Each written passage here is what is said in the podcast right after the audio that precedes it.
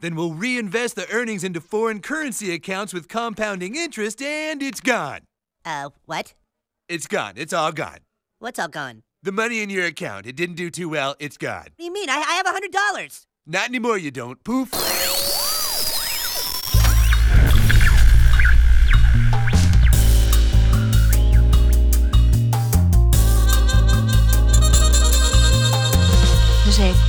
Opgenomen dinsdag 1 september 2015. Welkom allemaal bij de Zeepkast, jouw bron voor al je science, popculture en technologie nieuws.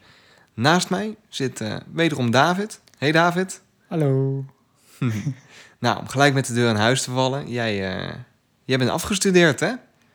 Yes! Zo, het heeft veel te lang geduurd, maar goed. Ja, je bent ben even bezig geweest, hè? Ja, ik Ja. ben even bezig geweest. En, en wat voor briljant cijfer heb jij gehaald, David? Ehm, nou ja, briljant. 8,5.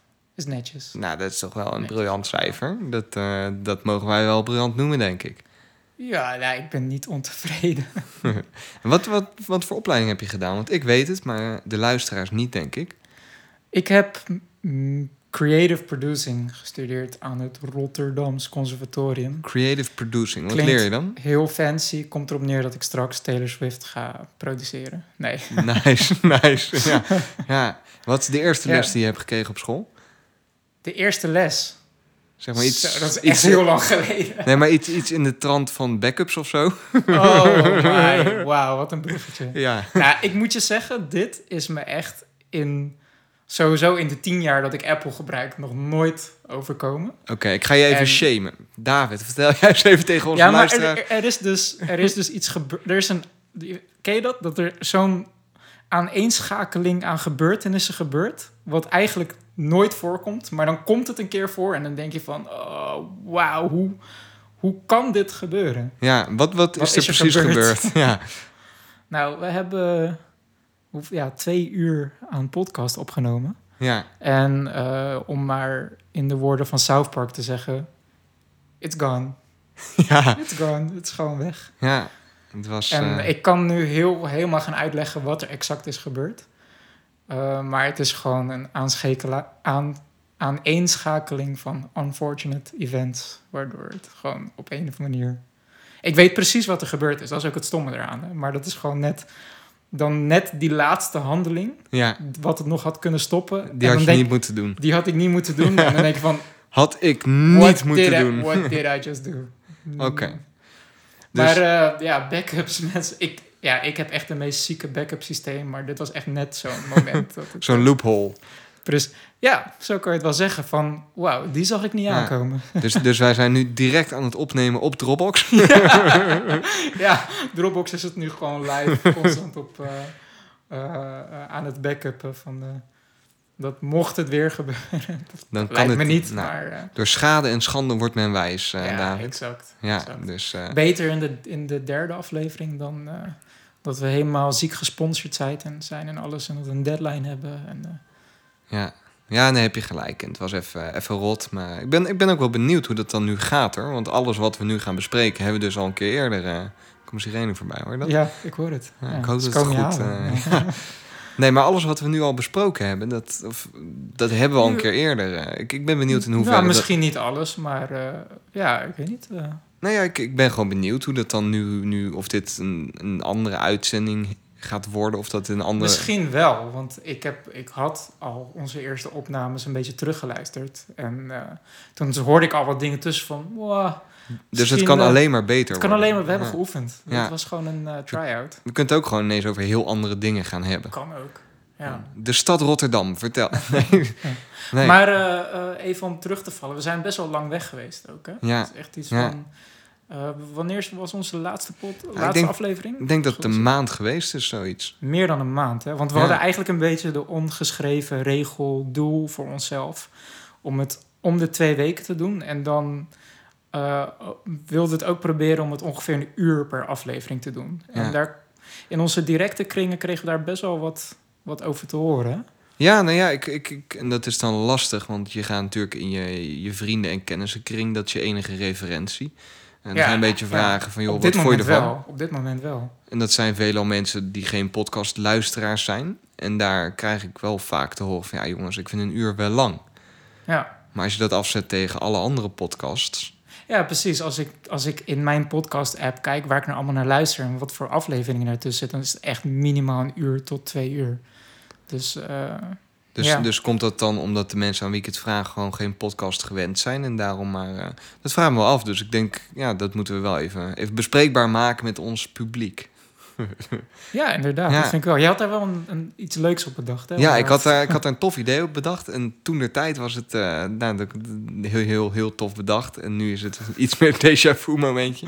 Maar wat, wat nou- Nee, je, je, kan nu nog, je kan het nu nog aanpassen. Oh, David. als je er niet over... Ik bedenk me ineens iets heel vets. Weet je wat we gewoon gaan doen? Je kan het nog aanpassen nu, als je denkt van... eh, nee, nee. Want, want ehm, dat, dat viel me wel op. Hè? Want om even terug te vallen, jouw idee was dat, dat mensen onze Facebook moeten spammen met langer of korter. That's it. Gewoon That's it. Gewoon langer of korter. Geen toelichting. Gooi er even op of je Ja. eh, langere aflevering wilt of korter. Maar wat ik me besefte, on- onze last files, onze verloren, nooit meer terug te luisteren podcast, Ja. eh, die was twee uur. Doelde je nou op dat mensen moeten reageren van die twee uur, moet het langer of korter? Of gewoon die ongeschreven regel van één uur? Dat was een beetje onduidelijk eigenlijk. ja, dat is eigenlijk ook wel zo. Ja. Daar had ik ook nog niet over Nee, nagedacht. precies. Dus daarom bij deze dacht ik van, oké, langer of korter dan een uur. Nou, en dan spam onze Facebook Ik- met gewoon alleen maar een post langer of korter. Ja, dat lijkt me een goeie. Nou, de- deze aflevering is sowieso een beetje vreemde eend in de bijt. Ja, dus die, we eh, kijken wel hoe lang dit wordt. Het, Ja, eh, misschien vinden we de het- originele opnames ook weer terug. Dan kunnen we er een podcast van vier uur van Ik maken. heb echt vijf keer een deep scan over mijn, eh, eh, mijn schijf heen eh, laten gaan. Hè? It's gone. Het, is, het is echt... Ik vind echt besta- bestanden die ik weggegooid heb van een maand geleden... Die je nooit meer terug wilt zien. Die- echt, er zaten, op, er zaten echt... eh, eh, ja, ik neem veel dingen op en zo. En. Er zaten echt recordings tussen waarvan ik denk van wauw. Maar eh, nee, iets wat je twee dagen geleden hebt opgenomen, ho maar. Dat, Jammer, Ja. jammer. Ja. Ja, oké. ja. Maar spam dus allemaal even onze Facebook. Normaal gesproken zijn onze aflevering om en nabij een uur. En het enige dat we van jullie willen weten... langer of korter? Du- du- du- du. Liedje eronder. Insert jingle hier. Ja, precies. Ja. Nee, maar eh, gooi dat even op onze Facebook. Dat vinden we wel even, even leuk om te horen. Dan kunnen we daar ook een beetje de content op aanpassen. Ja, zeker. Ehm, Maar eh, ja, we zijn dus even een tijdje. Dat kwam een beetje door de vakantieperiode. hè. Ik was eh, toch behoorlijk druk met mijn afstudeer. ja, t- toch nog goed gekomen, gelukkig. gelukkig wel. Ja, dat was, eh, want je had niet langer kunnen studeren ook, hè? Dat, eh, Nee, ja, ik heb, wel, ik heb er een sport van gemaakt om eh, eh, echt elke seconde eruit te wringen. ja, Van wat je, wat je mag studeren. ik, ik ben er nog mee bezig. En Ja. het is ook een work in progress om er elke seconde uit te wringen, zeg maar. ja, Eh, nu jij nog. Maar ik heb sowieso gewonnen van jou, denk ik. van, eh, Qua tijd. ja. Nou, dat weet ik niet. Ik heb hiervoor nog MBO gedaan ook, hè? Oh ja. ja, ik heb hiervoor ook een studie gedaan. Twee jaar toen gestopt en een jaar gewerkt. Ja. Maar ja, goed. Wat heb jij deze vakantie gedaan? Ja, dat is het altijd met zo'n vakantie. Hè? Dat vliegt voorbij. En Ja, van tevoren ja. heb je allemaal, allemaal plannen. En dan wil je echt heel de wereld gaan zien. En als ik dan terugkijk, dan vraag ik me af wat ik nou gedaan heb. Dus ik ben... Festival die niet door was gegaan en zo. Ja, dat... dat nee, ik heb eigenlijk niet zoveel gedaan. Ja, ik Nou, heb goed. vooral eh, lekker gerelaxed en een beetje genoten van de vakantie, zeg maar. En ook Ja. gewoon gewerkt.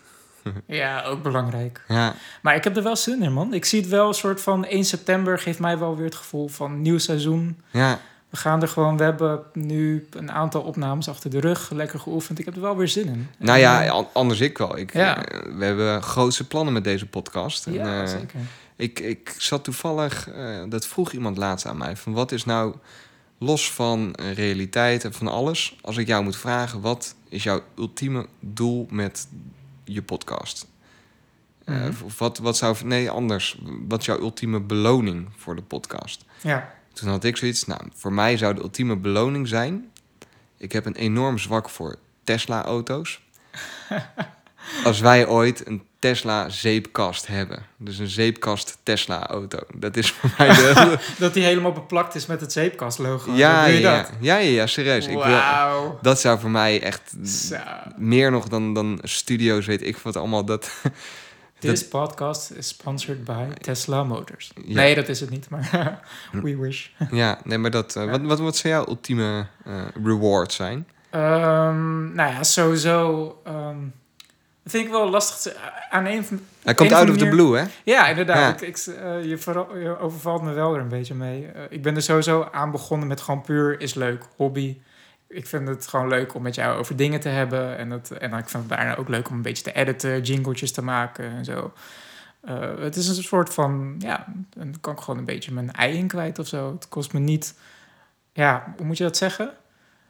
Ja, dat weet ik niet. Het, het, ko- het kost me de, de, de goede hoeveelheid energie. Net als dat je, als je iets met een hobby doet. Ja, het geeft je energie. Het Misschien geeft je het energie, zeggen. ja, precies. Het, Het kost je energie. geen energie, maar het Ja, geeft je precies. energie. Dus ik zie het ook wel een beetje een soort van, als een soort avontuur van we zien wel waar het strand. eh, eh, sowieso vind ik het super leuk dat, dat de eerste reacties op Facebook eh, eh, een beetje binnenkomen en zo. Ja. Gewoon een beetje die interactie met mensen die je eigenlijk niet kent. Ja, dat, dat vind ik ook dat echt... vind ik wel heel gaaf. blijf ik verbazingwekkend Ja. vinden ook.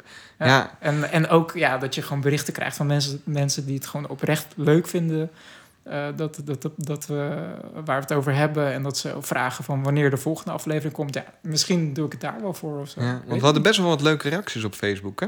Ja, zeker. We hadden sowieso iemand die onze stemmen fijn vond. Ja, Die vond ik wel, wel heel leuk. En eh, ja, ook eh, wat ik ook heel gaaf vind, is dat mensen dan ook, ook met, met ideeën komen waar, waar we het over moeten hebben. Had- huh? hadden we ook een beetje naar gevraagd, hè? Van, joh, wat Wa- wil jij nou? ja, ja, inderdaad. We proberen het wel aan te sporen. En, eh, Wat, wat, wat is er binnengekomen?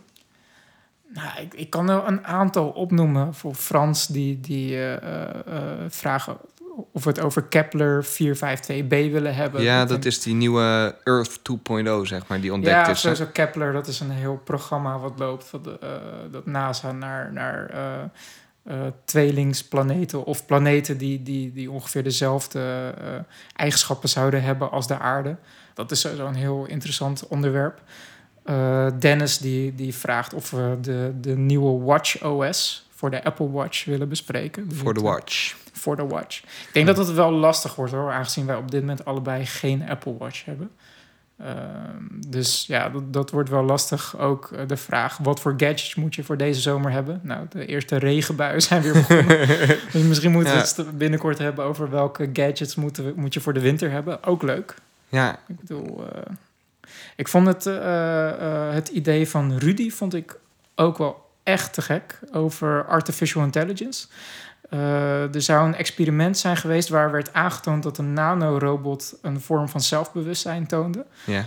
Eh, ik denk dat we daar echt heel lang over zouden kunnen praten. Ik denk dat we daar wel echt een keer een podcast over moeten wijden. Ook sowieso de discussie over artificial intelligence, of dat nou ook echt gevaarlijk is voor de mensheid. Of, eh, Of we dat moeten willen. want er zijn wel een aantal mensen in de industrie die er wat meer, die er wat dichter op zitten. Eh, zoals Nick Bostrom, als ik me niet vergis. En zelfs eh, Elon eh, Musk. Elon Musk Ja. van Tesla en Stephen Hawking, die hebben er allemaal best wel Een twijfels bij, hè? Ja, ja vooral Elon Musk, die, die is die er vindt, ook heel, die, die, die, vindt die, scheidt eigenlijk. zeven kleuren, joh. Ja, die is echt... Ja, ik zie Elon Musk ervan dat hij een schuilkelder in zijn tuin heeft staan om... Dat hij straks als, actief een, voor als Skynet live gaat. Ja, maar ja, goed. eh, eh, d- er zijn ook andere eh, eh, wetenschappers die zeggen van ja, dat is onzin. Ik bedoel, wij ontwerpen het, hoe kan dat nou? Maar in de basis, ja, ik ga er gelijk weer op in. Hè? ja, dat artificial intelligence, dat, dat betekent wel bewustzijn. Dus op een gegeven moment heb je een punt dat een robot een, voor zichzelf gaat denken. Dus dan heb je het eigenlijk niet meer in de hand. ja. Maar goed, daar moeten we denk ik echt wel een keer over. eh, Daar, daar, daar moeten we ons ook wat meer over het- inlezen, het, inderdaad. prikkel, het prikkelde me wel echt. Anders dan eh, wordt het zo'n eh, in de Ja. lucht geschoten eh, Precies. gesprek. Ja. Ja. ja, nee, we gaan er verder ook nu niet op in. En eh, Valerie, die, die heeft het echt op de hart volgens mij om het over balsamico te hebben. Ja, nee, dat vond ik wel een interessant onderwerp. Misschien moeten we moeten Nou ja, Valerie- ze, in, eerste, in eerste inzicht klonk het totaal niet interessant, als ik heel eerlijk ben. Maar Nee. toen begon ze erover. En eh, toen dacht ik van, nou oké, dus ik denk dat we haar een keer in een Skype-sessie of zo moeten uitnodigen. Z- zullen, wij, eh, eh, zullen wij volgende week gewoon Valerie eens even bellen om het over balsamico de volgende hebben? aflevering Ja. gaan we regelen. Ja, Ja, ja. Ja, ik, zou zeggen keep on coming. Eh, we gaan, op dit moment is het eigenlijk puur... nog even bijhouden wat de ideeën zijn. En dan eh, met een beetje voorbereiding gaan we het ook echt behandelen. Want ik heb het nu... eh, art, ik moet zeggen, artificial intelligence komt wel vaak voor. Dus dat, dat gaat hem sowieso worden. En dat, dat vind ik ook zelf Ik ook wou heel net leuk zeggen, om, daar, eh, daar gaat je hart... En Ja. mijn is ook, ook wel sneller van slaan. Zeker, zeker. dat, wat dat betreft leven we in interessante tijden. Han die had het ook over dat we het over games moeten gaan hebben. Nu valt games zeker over onder popculture. Ja. Ik heb vroeger ook wel veel gegamed. Eh, doe jij wat met gamen? Ik eh, ben een Call of Duty speler, dus nee. Ik ben geen gamer. Ja, jij kijkt naar Call of Duty filmpjes eh, van ja, dat vind ik ook leuk. En nou ja, maar ik, ik, Ik- noem mezelf geen gamer. Kijk, een gamer Nee. die, die, die speelt zeg, zeg 15, 20 titels op jaarbasis. Ik speel Call of Duty. En dat wordt één keer per jaar wordt dat eigenlijk van een nieuwe skin voorzien. Ja, dat een is nieuwe echt naam. ook net als FIFA, van dan heb je 2013, 2014, Dat. 2015. En dat vind ik gewoon relax op de bank gaan zitten. Dus ik weet daar te weinig van om daar Ja. echt kritisch op te zijn. Om daar iets, iets een, een, een leuk verhaal van te maken. Maar misschien als iemand zich geroepen voelt en wel daar een heel eh, gepassioneerd verhaal over heeft. Misschien dat we daar ooit iets mee kunnen. Maar Ja, ik denk, zeker. Ja. ik denk dat voor nu dat we dat even, even moeten laten liggen. Maar dat wel... Ik vind games een heel leuk onderwerp. Alleen ik, in, mijn, in mijn privé-tijd doe ik er eigenlijk helemaal niks mee. Ik heb Ja, op dit jij moment gamet niet. Ja. ik heb geen console in huis. Eh, je hebt niet eens een tv. Ik ben een, nee.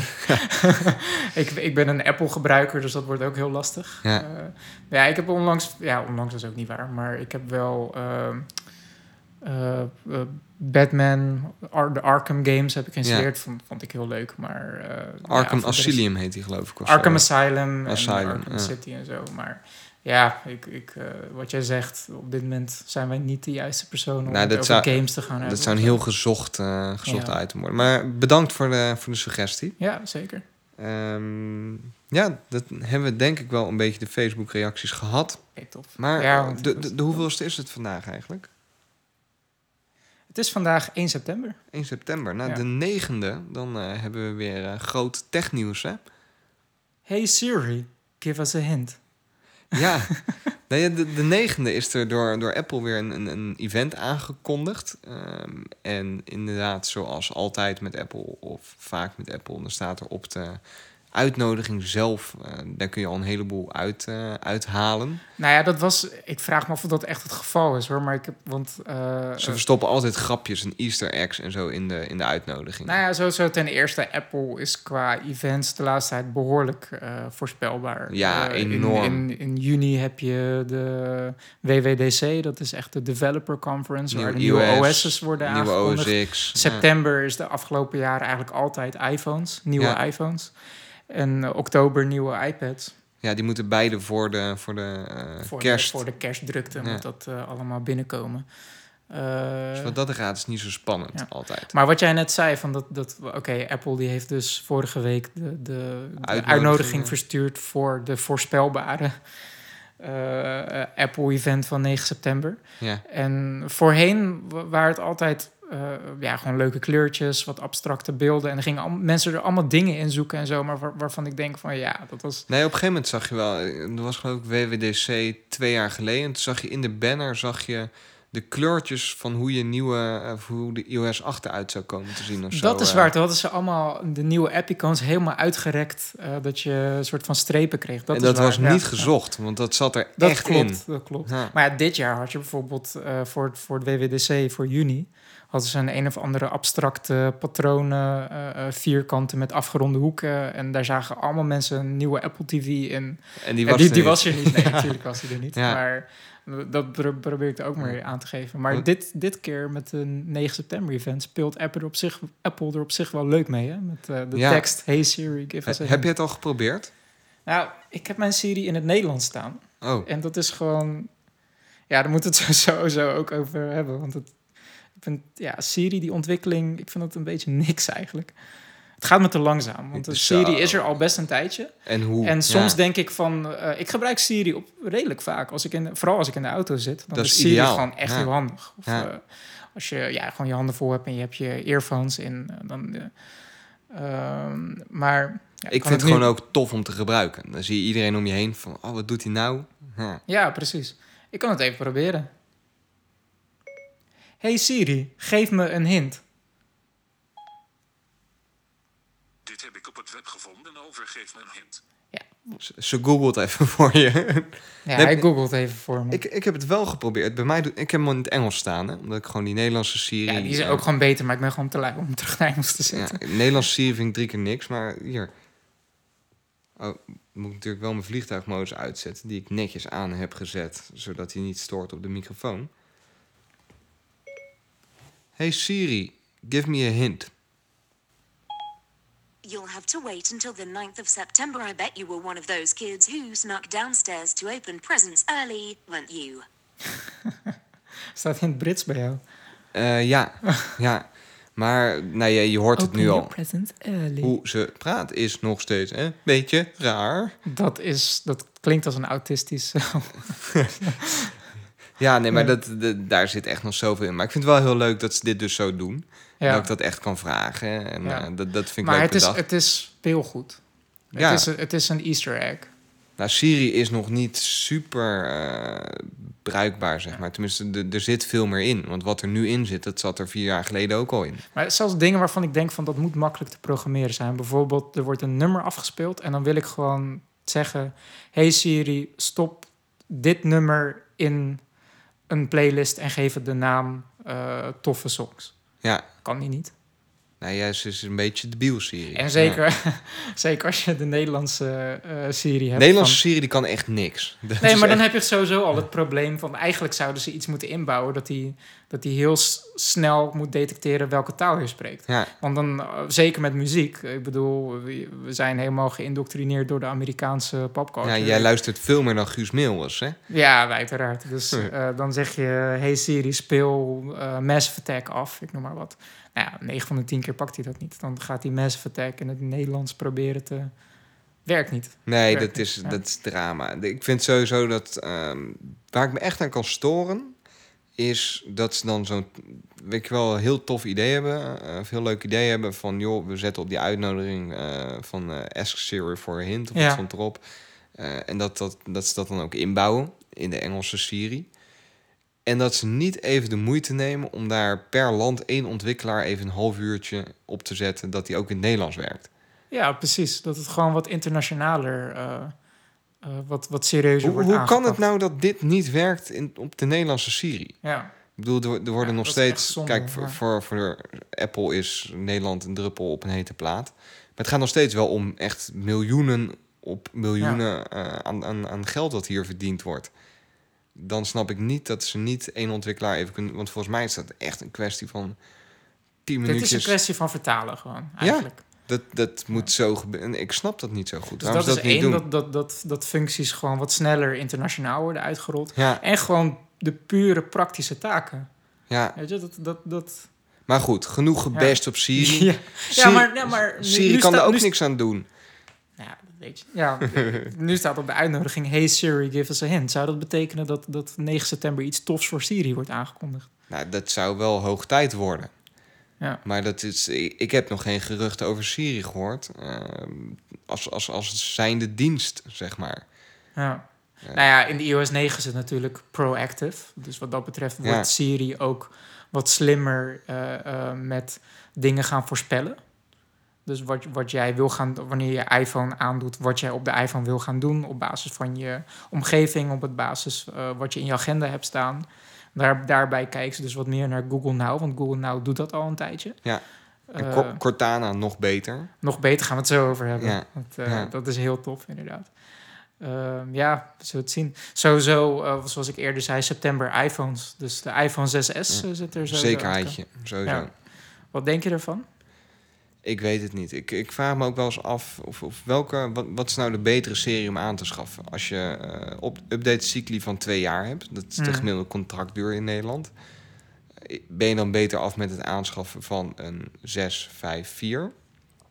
Of van, van een. Ja, de, déjà vu. of, of van een S-model. Ja.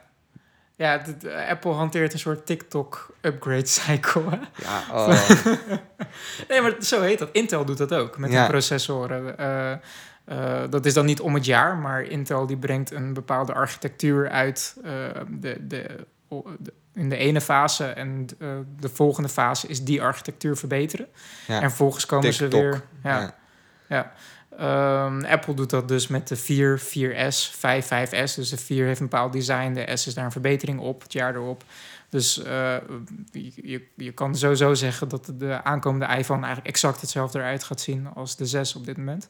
En dat is misschien voor de consument wat minder spannend, denk ik. Van, Ja, maar vaak zie je dat qua inhoud dat er best wel innovaties komen op, eh, tussen het normale en het S-model.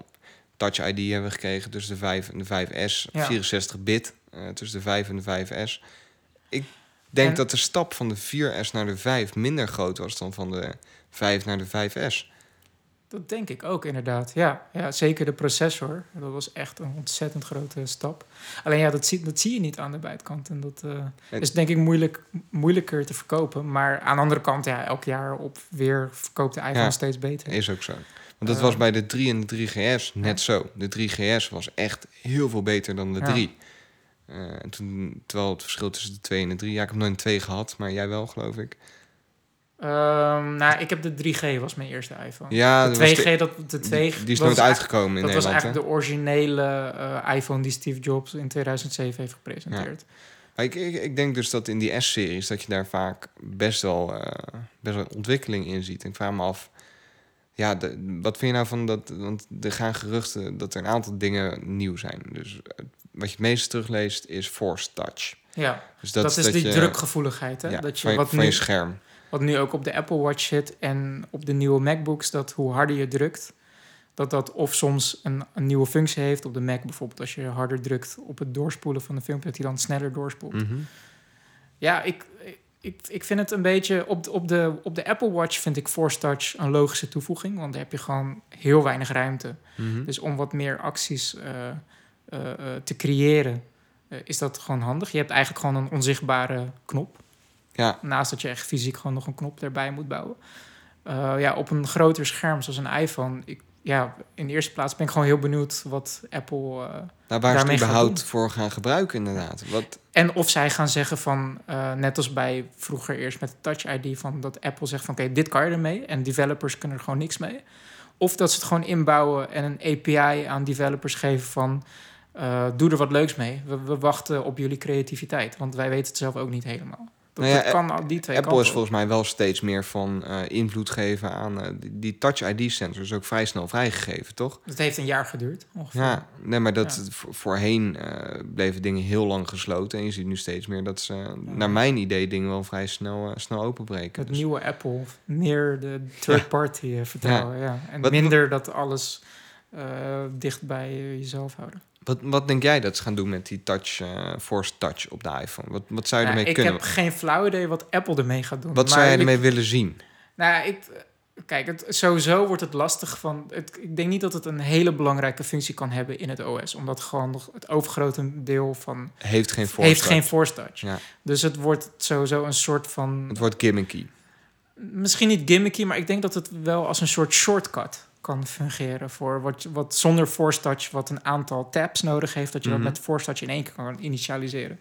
Dus eh, mij zou het tof lijken als eh develop, dat sowieso dat developers er toegang tot krijgen en dat ze dan. Dat moet. Anders dan... ik hoop eh, het. Ja.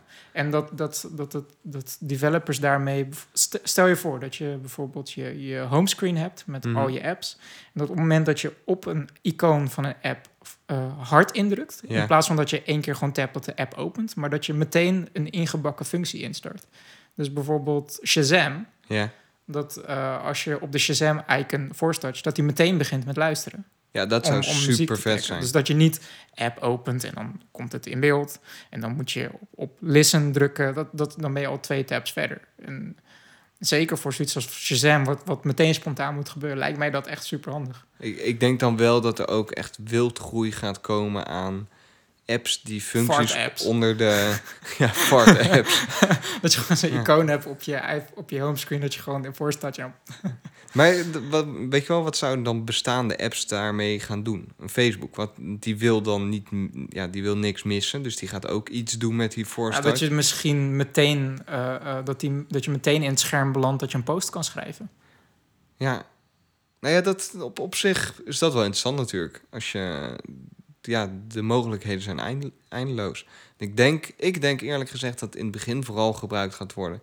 voor een beetje de standaard dingetjes als eh, ergens op force touchen om het in je dictionary op te zoeken. Ja, of, dat doen ze ook in de- op de Mac, hè? En dat- ik ja. denk dat het precies dezelfde functies op de Ja. Mac gaat hebben. Dus eh, Ja. sneller doorspoelen naarmate je harder drukt en zo. En dat vind ik allemaal niet heel spannend. Ja, Dat is een leuke toevoeging, maar dat is niet baanbrekend. nee. En op, op zich, dus dat, dat zou de eerste, eerste wijziging zijn. Eh, ik denk dat er qua processor, ja, dat wordt een A9-chip. Nee? Ja, dat wordt de A9, A9, ja. ja, want eh, de 6 heeft de A8 en de R2 heeft de A8X. Dus eh, Dat, dat zal een iets snellere versie worden. Ik zie daar ook geen enorme. nou ja, dat is ook de, de grap, hè. Dat eh, de A8-processor, en zeker de A8X-processor die in de R2 zit... Overpowered, jongen. Die is zo snel. Dat, dat iOS, die, die is eigenlijk veel te... ehm, Je, eh, je- zou eigenlijk zes keer iOS op die chip kunnen draaien. in principe wel, Ja. ja. En daar gaan ze nu eindelijk een beetje gebruik van maken... door op de iPad twee apps tegelijk te laten draaien. Multitasking. Maar je- je- eigenlijk, het is wel grappig. Volgens mij wordt het de, de chipteam van Apple, eh, die met ARM bezig is... ja. die krijgt gewoon de opdracht... maak gewoon het snelste wat er is. het, het gaat ook om die grafiekjes. Hè? Die laten ze Ja, iedere keynote precies, trots zien. En dat is dan echt Dat is het doel, ja. hoeveel sneller we Maar- zijn dan bij de eerste generatie iPhone. Wat, ja, Maar die hardwareontwikkeling gaat zoveel sneller dan de softwareontwikkeling. Dat, Ja. dat merk je heel duidelijk. Dus ook daar zie ik niet heel veel winst. Eh, er gaan geruchten over een nieuwe Die- kleur. Ja, de rose gold. Hè. Daar ben ik eigenlijk heel erg nieuwsgierig Daar, naar. eh, ja, die wil je hebben, hè? Ja, ik denk het wel. Als het er zo uit gaat zien zoals ik denk dat het eruit gaat zien. Er waren wat foto's gelekt en dat was echt Hello Kitty roze, zeg maar. En die wil je hebben, toch? ja, die- nee, dat ding zag er niet uit, joh. Ja. Dat, dat zag er, ja, dat, dat, ik denk niet dat dat het gaat worden. Ik denk, als ze Rose Gold uit gaan brengen, dat het eh, dat een beetje die Rose Gold is wat op de Apple Watch, de edition is, maar dan met geanodi- geanodiseerd aluminium. Eh, en dat wordt dan een wat koperige, donkere goudkleur. Ik heb altijd een zwarte iPhone gehad. En ik denk van, ja, het wordt, die wit-zilver vind ik dan, heeft me nooit getrokken. Think different. Die gouden vond ik wel leuk. Ja, Rose Gold, wie weet wordt dat hem wel. En om even op jouw originele vraag terug, terug te komen. van- Wat was die ook weer? Nou, of het beter is om op de tik of de tok te zitten. Oh ja, Op de, ja. op de 6 of de 6S. Ja. Op de, de, de eerste generatie of de verbetering daarvan.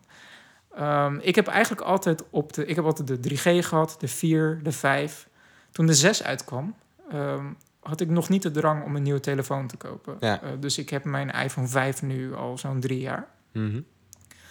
En Dat doe je niet meer mee, hè?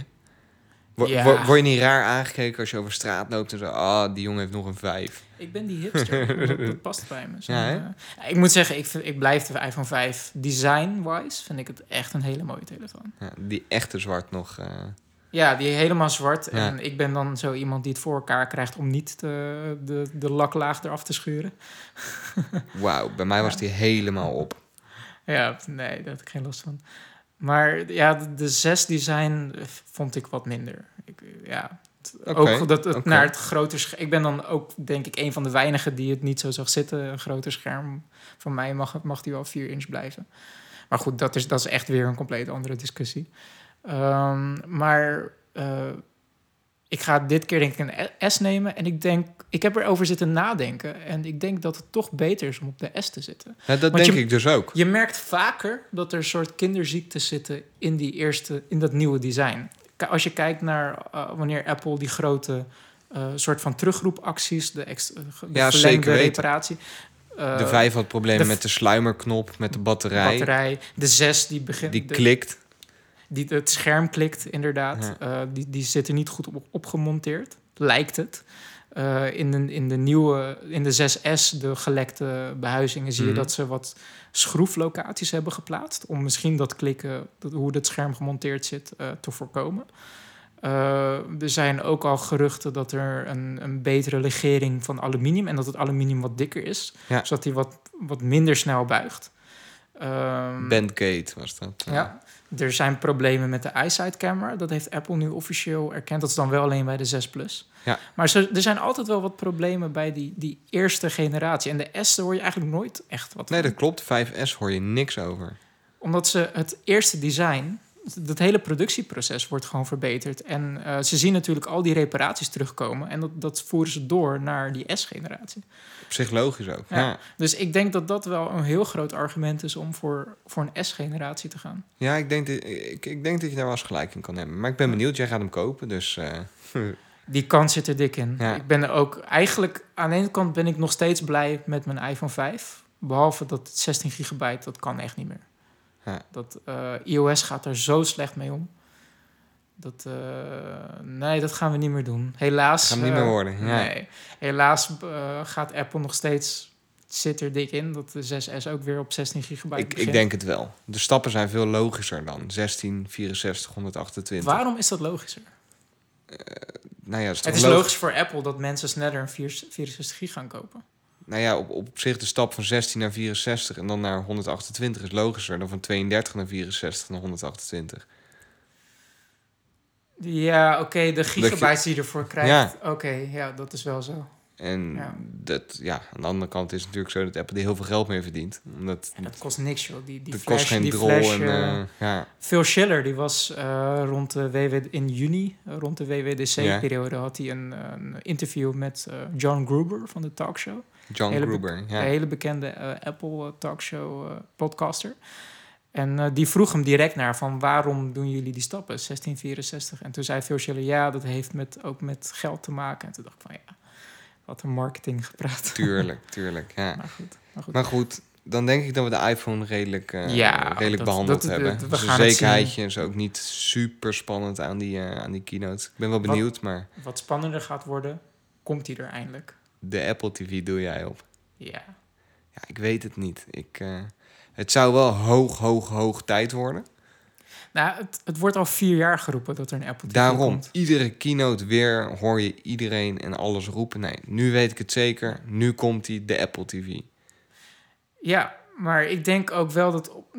Ja, Apple heeft zeker in Amerika ook gewoon erg veel concurrentie... als het gaat om set-top boxes bij een televisie. Hulu, eh, of nee, Hulu is die dienst. de maar je hebt die Ro- Roku, Roku, eh, eh, ja. de Amazon Fire TV, Google Chrome. Google Chrome. En die doen gewoon meer dan de Apple TV. Ja, dat klopt. Dat is, ja, dat is gewoon een feit. De Fire TV en volgens mij heeft de, heeft de Chromecast ook een App Store voor de... Ja, eh, weet ik niet precies hoe het werkt, maar je kunt sowieso. nee, je kunt er veel meer mee. En in bepaalde apps zitten functionaliteiten ingebakken die dan weer communiceren met de Chromecast. Dus de Chromecast zelf heeft volgens mij geen Oh, App. Store. Ja. Of nee, dat, dat is niet waar. Je kunt via je app kun je volgens mij wel apps op je Chromecast laden. Plex en zo. Ja, bijvoorbeeld Plex. Dat is Ja. al Ik ben zelf een groot Plex-gebruiker. Ja, dat is een, eh, een hele goeie. Ehm, ja, het, eh, het is spannend.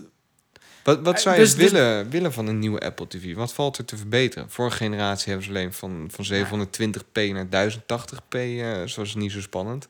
Nee, je zei net al, eh, ik heb geen televisie. Dus, Ja, dus eh, sowieso dat, dat streamen van series en zo, dat interesseert me sowieso al niet heel erg veel. Mhm. Ehm, maar wat ik eigenlijk hoop is, en dat komt ook een beetje door die, die tagline op de, op de uitnodiging. Mhm. Hey Siri, give us a hint. Dat Siri ook echt een grote rol gaat spelen in de nieuwe Apple TV. Ehm, er is een, een, een, een, ja, een soort ja, gadget Mhm. van Amazon. Dat heet de Echo. En dat is een soort. eh, eh, Ik kijk David nu aan, want dit was precies het verhaal dat ik de vorige podcast ook verteld heb. ja, maar dat is wel echt oprecht wat Ja, ik, wat ja, ik hoop ja, van de true. nieuwe Apple TV. Ehm, ik vond dat we het best wel goed hadden volgehouden, man. Met zonder eh, terug te vallen. maar, dit- maar dit is oprecht heel tof. Dit is een beetje de conclusie waar Zeepcast toe gekomen zijn. Dit moet hem worden. De Ja. Apple TV, die Ja. staat in je kamer. Gewoon gejat van, van, de, van Amazon, basically. Eh, Eigenlijk wel. want Amazon die heeft namelijk een gadget dat heet de Echo. En dat is een soort zuil. Mhm. Ja, een, een, soort zuil van, wat zal het zijn, 20 centimeter hoog. Ja. En die kan je in een kamer neerzetten. En ja, het klinkt heel Big Brother-achtig, maar die Is het ook. Ja, dat is het eigenlijk ook. Hij luistert constant. En dan kan je hardop zeggen, hey Echo, of volgens mij heet programma, de, die kan je Alex noemen of zo. Ik weet het niet zeker. Je, je kunt hem vast een naam geven. Ja, ja, volgens mij was het Alex. Dan zeg je, hey Alex, eh, wat wordt het weer morgen? of, eh, ehm, ja, eh, mijn toiletpapier is op, zet dat op mijn boodschappenlijstje. En, dus het is eigenlijk een soort personal assistant die constant in je huis aanwezig is en taken voor je kan verrichten en feedback kan geven. Hoe vet is dat? Dat is super handig. Dus onze theorie is een beetje. eh, ehm, Dat App- moet die Apple TV ook kunnen.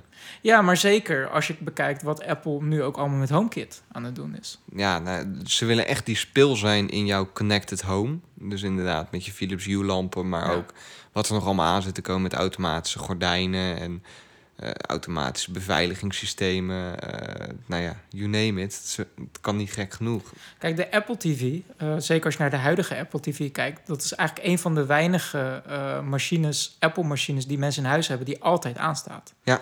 Dus ook als je buitenshuis bent, heb je access via de Apple TV naar je huis. En ehm, ja, ik, als je thuis bent, dan zou je ook als een microfoon inbouwen of zo. Zou je dus ook hardop kunnen zeggen van... Hey Siri, dimmen lichten. Of eh, doe mijn garagedeur dicht. Ja, dat zou super tof zijn. Dat zou geniaal zijn. Ja, we gaan het zien. Ik, eh, Wat, wat ik me dan ik wel kijk er wel echt naar uit, naar die Apple TV. gelijk ook bij afvraag. Zou daar een soort van veel safe iets op zitten dat die eh, stemherkenning ook heeft? Ehm, Ook bij die Echo hoor. Maar stel Ja. ik ben bij jou thuis. Of weet je ik dat ben ik jouw dat echt iets voor Microsoft zou vinden? Om dat, uit, te- om dat te, in, te, in te implementeren? Nou ja die, ja, die zijn daar vreselijk mee de mist in gegaan, toch met de Xbox? Ja, ja, dat niet zozeer met... Ja, inderdaad. Ja, dat zou eigenlijk een reden zijn dat Microsoft dat moet gaan doen. Want eh, eh, in principe wat we nu zeggen over de Echo... dat doet Microsoft eigenlijk ook, hè? Met de Xbox One. Ja, dan kun je ook Daar zeggen, ook, eh, hey Xbox af. En dan gaat Ja. hij uit. Ja, precies. En dan heb je dat briljante filmpje over. Ja, er zijn mensen die maken daar dan natuurlijk geniaal misbruik van... met online gamen. ja, dat je je gamer tag, dus je naam maakt, Xbox af. En dan ga je heel irritant spelen... en dan gaan mensen over de chat naar je schreeuwen van... hey, Xbox af, stop daarmee. En dan... oh, nee, nee, nee, nee. Dan, Dan gaat de Xbox uit. Ja. ja, ja. Maar dat, ja, dat is wel. eh, of hij moet bepaalde functies weer niet kunnen. Zoals je alarmsysteem uitzetten. Of, je, eh, of die moet het alleen doen als jij je vinger op je Touch ID legt. Die ook heel erg een speel heeft in je. je- Ja, dat wat je- gevoeliger, Je, je eh, security. Ja. Hoe mooi zou dat zijn als dan een, een, eh, een, een, eh, iemand die je huis wil beroven, zeg maar een inbreker, dat hij dan, Hey Siri. dat hij dan buiten staat en dan heel hard schreeuwt: Hey Siri, doe de voordeur open. Dat allemaal voordeuren open ja, gaan ja, of zo. Weet je? Dat, eh, Ja, ja. Dat zou, nou, dat zou geweldig zijn. Dan, dan wordt Apple helemaal kapot aangeklaagd. ja, ja, ja. ja, misschien dat dat, ja, misschien dat, dat iets met geofencing te maken heeft. Dat dat soort functionaliteit alleen werkt als je je iPhone in je zak hebt. Ja, dus als jij in bed ligt te slapen, dan kan de inbreker je voordeur open doen en anders niet. Ja. Als je niet bent, dan niet. Ja. Ja, maar dan heb je dus weer een Apple Watch. En die weet dan dat je aan het slapen bent. Dus dat je dan niet in de capaciteit bent om je voordeur open te doen. Ja, ja, daar zit wat in. nou ja, ik ben wel benieuwd. Als ze dat erin bouwen, dan wordt Ja. het echt heel vet. En anders wordt het ja, een beetje standaard verhaal. eh, Apple TV met een App Store. Dat, dat, zou in, dat zou eigenlijk de meest saaie update zijn, als ik eerlijk ben. Gewoon Dat, dat is wat eraan een, komt, een, denk ik. een, een Apple TV met een App Store. Ik denk dat dat hem is. Ja. En uit, meestal is dat ook vaak het meest realistische, wat dan ook uiteindelijk gebeurt. Ja. Ergens geloof ik wel dat het gaat gebeuren 9 september. Eh, de concurrentie is op dit moment moordend, dus ergens moet Apple wel. De huidige Apple TV is goedkoper gemaakt. Ja. Dus ik denk dat Voorraden verschuiven. Ja, maar ik denk ook dat de nieuwe Apple TV... dat er ook behoorlijk wat meer technologie in gaat zitten... waardoor die duurder gaat worden. Ja, dat, nou ja, dus dat, je, zich. dat ze, dat ze een, een soort van... om met de hele goedkope Chromecast te, co- te concurreren... dat ze nog de huidige Apple TV houden... in die goedkopere Mhm. prijscategorie. En dat er gewoon een duurder van... zeggen boven tussen de 100 en 200 euro... Denk je echt? Want dan zit er echt een enorme... Want er zit nog steeds een enorme price gap tussen een Chromecast en Apple TV. Hè? Ja. maar toch... Chromecast Maar Apple, 35 maar euro. Apple kan dat hè, op een of andere manier. Dat is de Apple tax. Ja. Ja, daar moeten we wel eerlijk in zijn. Ja, nee, dat is waar. Ja. Dat is waar.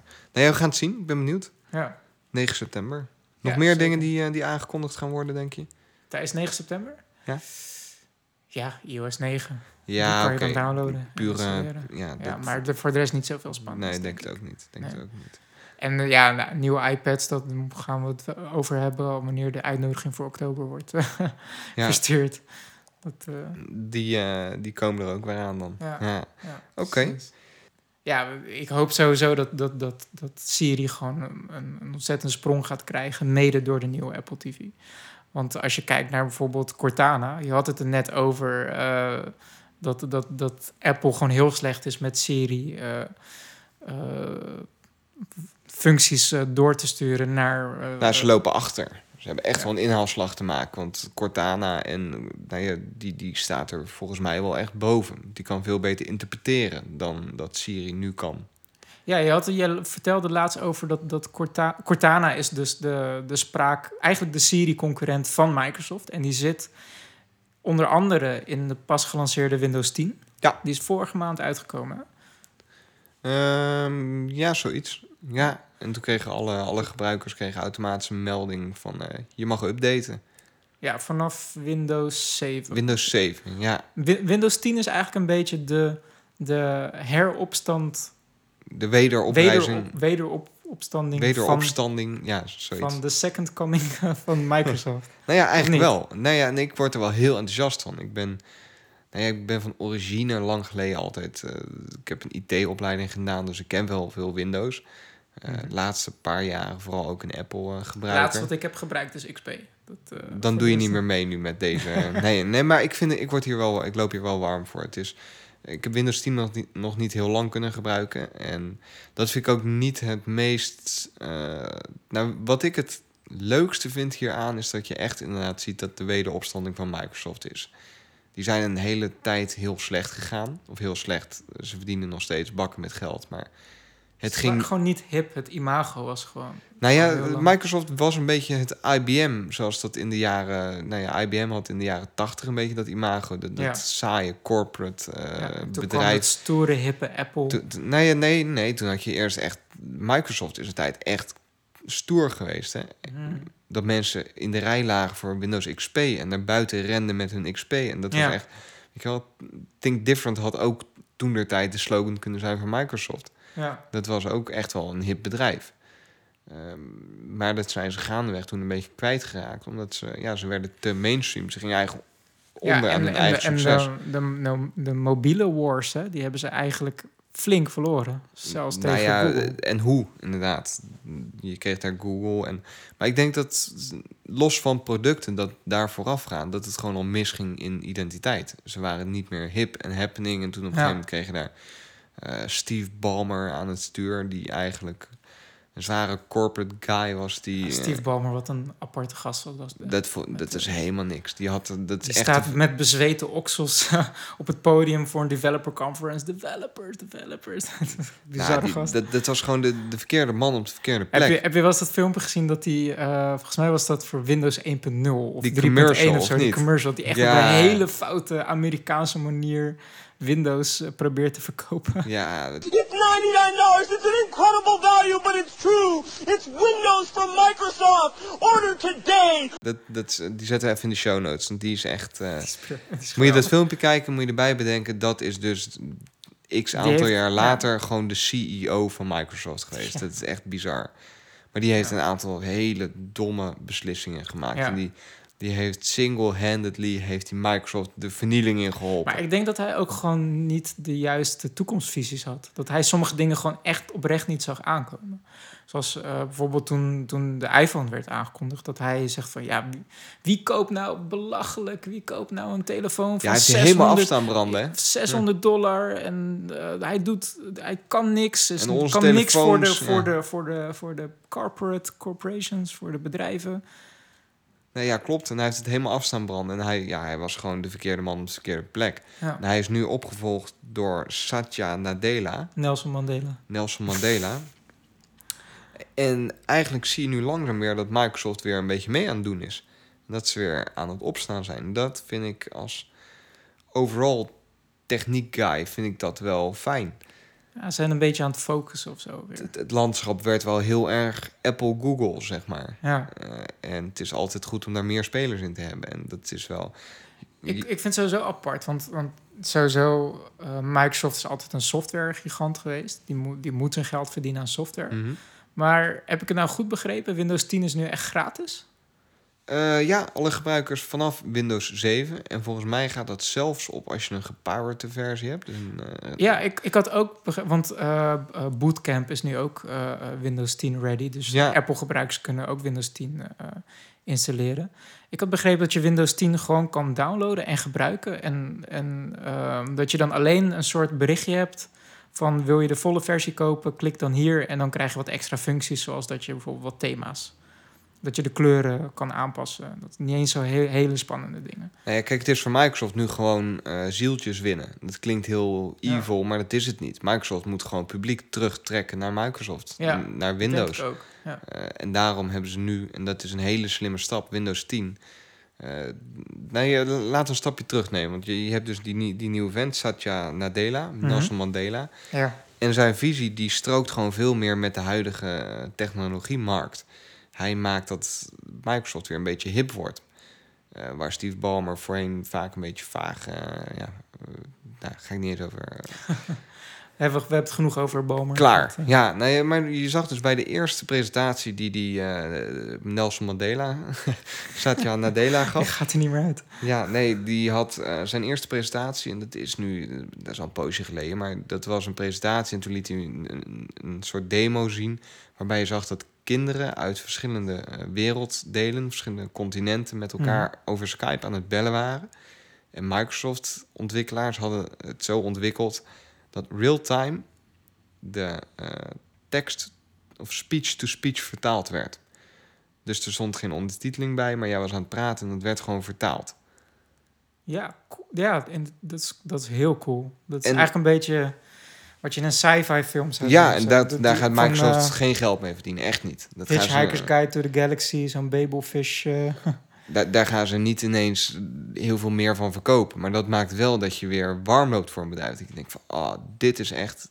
Daar hebben ze visie. Daar hebben ze er Ja. zin in. Daar willen ze weer mooie dingen ontwikkelen. En HoloLens vind ik heel cool. ik wou net Dat zeggen, je- dat volgt elkaar best wel op, dat soort Ja. ontwikkelingen. HoloLens, dat is ook... Nou, Een, sowieso... art- een, een augmented reality bril, dat je eh, virtuele objecten ziet in de echte ruimte. Dat, nou, en als je, als je ziet hoe dat uitgewerkt, maar ook hoe dat gemarket is, hoe ze dat dan laten zien tijdens zo'n presentatie en zo, daar word je echt wel warm van. Ja. En Microsoft wordt weer echt een hip bedrijf. Ja. En dat vind ik heel leuk. Ehm, dus inderdaad, die, die, die HoloLens en de Cortana, die, die, die nu veel beter kan voorspellen. Dus die heeft de afgelopen De week. naam alleen al. Cortana, Cortana ja, is, is, vet, is, is, eh, eh, die naam hebben ze gehaald ja. uit een spel die Microsoft ook bezit, de Halo Rakes. Ja. En eh, in Halo zit een, volgens mij de laatste Halo game zit een, zit een artificial intelligence die heet Cortana. Volgens mij zit Cortana in alle Halo games, maar dat weet Is ik niet zeker. Dat zou zomaar kunnen, want ik heb echt nog nooit een Halo game gespeeld. Nogmaals, wij Laat- zijn geen gamers. Laat ja, de hate mail maar komen. Bring in the hate mail. Ja, maar, eh, ja, maar dat vind ik gewoon heel vet. Dat ze dus gewoon uit een videogame Die naam, die halen. Dat vind ik heel Ja, ja. en jij, nou, op zich even inzoomen op Cortana misschien. Want jij zat te vertellen, je had dat een beetje bekeken. Ik, ik vind Cortana zelf een van de leukst, leukste features uit eh, eh, Windows 10. nou, ook, ook eh, daar zit weer echt een gedachte achter. En dat is niet zomaar een, een, ja, een, een virtuele assistent. Maar ze hebben er wel over nagedacht. Joh, hoe moet dat er dan, dan uitzien? Eh, Nou, wat heel belangrijk was voor, voor eh, het ontwikkelteam van Cortana... was de cultuur waarin Cortana zich eh, bevindt. Cortana is op dit moment beschikbaar in een aantal landen... Mhm. waaronder ja, natuurlijk Amerika, Canada, Frankrijk, Engeland, Italië, China... Ehm, maar als je kijkt bijvoorbeeld naar de Chinese markt... dat is een, com- dat is een compleet andere cultuur dan Amerika. ja, En eh, dat snappen die, de ontwikkelaars. Dus die hebben, zijn echt actief bezig geweest met focusgroups uit die landen. Om Cortana eh, helemaal. Om, om Cortana echt een Chinese ziel te geven. Of een Italiaanse ziel. Of een Engelse ziel. En dat zie je in, de, in taalgebruik. ja. Ehm, maar ook bijvoorbeeld eh, in de keuze van stemacteurs. Dus eh, eh, ze zijn erachter gekomen dat de Chinese markt eh, het erg fijn vindt als de stem lachend klinkt. Dat- Lachend klinkt. Ja, alsof iemand de hele tijd aan het glimlachen is en dan praat. Op een of andere manier vinden ze dat heel tof. Oké, Dus, oké. dus daar houden ze rekening mee. De Engelsen die, die, die zijn wat meer van de zelfspot en de, de droge humor. Dus dat wordt dan heel subtiel, in de, in de Engelse. Cortana eh, eh, verwerkt. Blijkbaar vinden Italianen het niet tof om met scooters geassocieerd te worden. dus Cortana zou in Italië nooit een grap maken Over eh, scooters. over scooters. Ja. Maar als je de Italiaanse Cortana vraagt om het volkslied te zingen, dan doet ze dat meteen. Want de, blijkbaar... dat vinden ze belangrijk. Ja, ja, de- heel de- trots volk is dat. Trots volk, inderdaad, over hun cultuur. Dus dat vind ik er heel tof aan. Maar het gaat zelfs nog verder. Want, Hoe dan? Nou, ja, zelfs in het visuele. Want Cortana is eh, in het basis een, een blauwe cirkel. Gewoon een rondje. Een ja. rondje, dat, dat is het logo van Cortana. Ja. In Japan eh, buigt Cortana voor je. Als je iets doet. En dat is een soort, dan hebben ze dan een soort 3D-representatie Ja. gemaakt. Dat, dat dat blauwe cirkel dan naar voren buigt. Wat vet. Ja, ik, ja, je moet er maar opkomen. Maar Nou dat, zijn, dat zijn details waarvan je denkt van... Ja, het- ik vind het best wel erg om te zeggen. Maar in het verleden zou je zeggen van... alleen Apple denkt daaraan, aan die details. Ja. Maar Microsoft is nu ook daar gewoon heel lekker mee bezig. Nee, maar dat, dat is wel... Dat maakt het alleen maar allemaal leuk, weet je. Want techniek moet ook gewoon leuk zijn. Precies, techniek moet leuk zijn ook. In China gooien ze dat, dat hele blauwe cirkel helemaal overboord. Oké. Eh, in China is Cortana een soort blauwe rijstbal, een blob...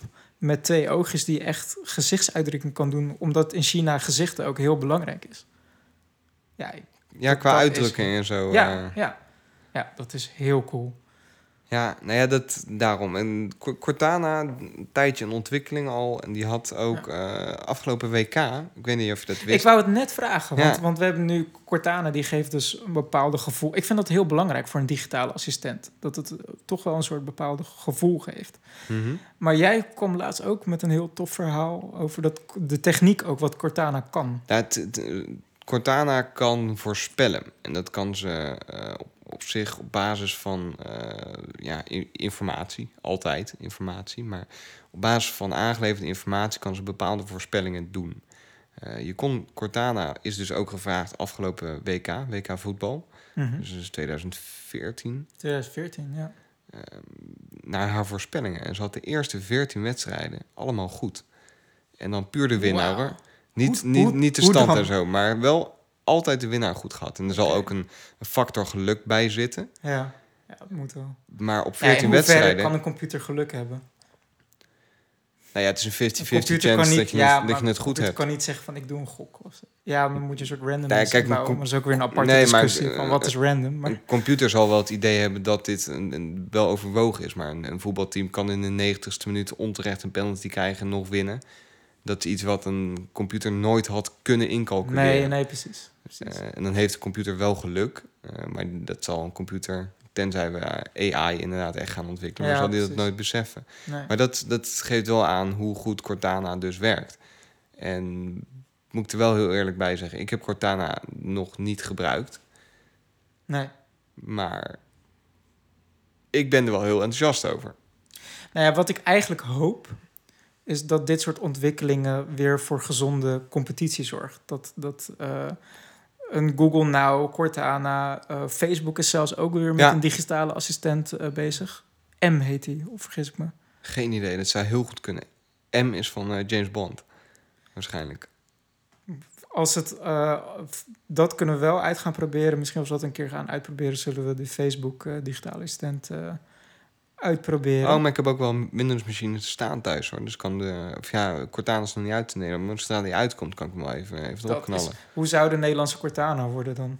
Hoe zou. Wauw. Ehm, wat is on, dat is altijd zo lastig om van jezelf te zeggen. Wat is je identiteit? Wat vinden Nou, wij wat ik altijd hoor, dat Nederlanders heel Direct. direct Ja. Dus dan vraag hey Cortana, wat verdien ik? En dan eh geef ze. Nee, geef die, gewoon zegt, je- die vraagt dat gewoon. Wat verdien je eigenlijk? Wat is je salaris? Wat is- ja.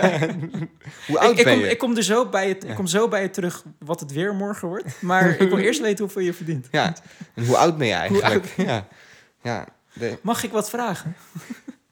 Dus, eh, nou ja, dat, dat is leuk. Dat gaan we even in de gaten houden. Eh, misschien een laatste leuk dingetje over Microsoft en dan, dan kunnen we door. Maar ze hebben nu, ik weet niet of je dat al gedaan hebt. Poos geleden hadden ze ook die website how-old.net. Die heb ik geprobeerd, ja. Nou, dat is een website en dan kun je een foto van jezelf uploaden. En waarschijnlijk heeft heel Nederland dit al gedaan en kent dat ook. En die gaat dan interpreteren of je een man of een vrouw bent. En die gaat interpreteren hoe oud je bent. Ehm, en dat is ook wel weer tekenend voor. Dat is weer zoiets waar ze absoluut geen geld mee verdienen. Maar wat puur een beetje een showcase is om te laten zien wat ze nu al kunnen maken. En wat ze kunnen. Nou ja, ik herhaal mezelf. Google Ja. of eh, Microsoft is gewoon Even tof. wel, wat ik daar wel van vind, is... Ik vind het heel tof Mhm. dat ze dat doen, maar... ehm, ik denk wel dat bijvoorbeeld Apple... Mhm. Dat is meer een bedrijf die laat echt alleen dingen zien... wanneer ze zegt van dit is zo'n eindproduct. Die zal nooit eh, eh, laten zien wat hun research en development... Waar ze, waar ze mee aan het spelen zijn... en wat ze allemaal bedacht hebben voor technieken en services. Dat houden ze allemaal lekker achter de schermen totdat het af is. En ik denk dat dat in wezen het verschil is met bijvoorbeeld een Google en een Microsoft. Die zijn veel sneller. eh, eh, geregeld brengt Microsoft filmpjes uit van hun development labs. Van kijk Ja. eens wat we nu ontdekt hebben.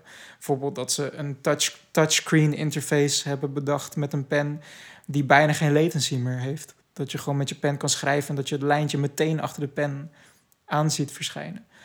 Eh, wie weet heeft Apple ook zoiets, maar die zal dat nooit eh, op het internet zetten zonder dat het echt in een eindproduct is verwerkt. En ja, daar kan je wat van vinden. Ja, ik denk dat, dat misschien dat dat eh, als je als bedrijf zijnde sneller gewoon je speeltuin als het ware publiek maakt. Dat je dan meer het gevoel geeft van coolness. Ja, nee, zeker waar. Ik denk niet dat er een goed of een fout is. Maar dan is weer de keerzijde. Want je zei net al van waarschijnlijk heeft iedereen in Nederland al uitgeprobeerd. Dat denk ik dus niet. Want het is niet eh, op nu.nl of zo gekomen of eh, in het NOS Volgens mij, volgens mij heeft Is het best wel wat... Ja, ja, dat heeft best wel wat, wat vlek gegenereerd. Dat is dan een van de weinigen. Want ik denk dat je daarmee alleen echt de, de, de mensen die, die tech-aware zijn... Die, Mhm. die dat tof vinden. Van wauw, daar is Microsoft of daar is Google mee bezig. Maar de uiteindelijke consument... die ziet eigenlijk alleen maar wat je echt officieel uitbrengt. Nee, dat en ik denk dat Apple zich daar alleen op focust. Niet om het weer een Microsoft Apple War te maken, maar gewoon... Zou wel vet zijn, hé. ja, serieus. Als het er weer echt een Microsoft Apple War een beetje Als uitbreekt. dat weer komt, ja. Ik Wie weet. Dat, ja, dat... Stiekem verlang ik daar wel naar. Dat, dan komt techniek alleen maar te goede, toch? Dan gaan ze echt... eh, nou, dat weet ik I'm niet. a Mac. I'm Weet ik PC. niet. Ja, dat eh, andere discussie Ja. voor een andere keer. Goed, hou Microsoft in de gaten, want eh, die gaan booming. Die gaan Ja. echt wel... Zodra die HoloLens een beetje vorm krijgt en...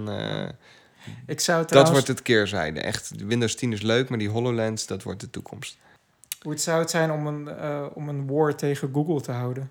Die, die stuurt gewoon robots op je af. Oh, ja, wauw, ja. Oh. Wat een mooi Hebben we dat filmpje gezien?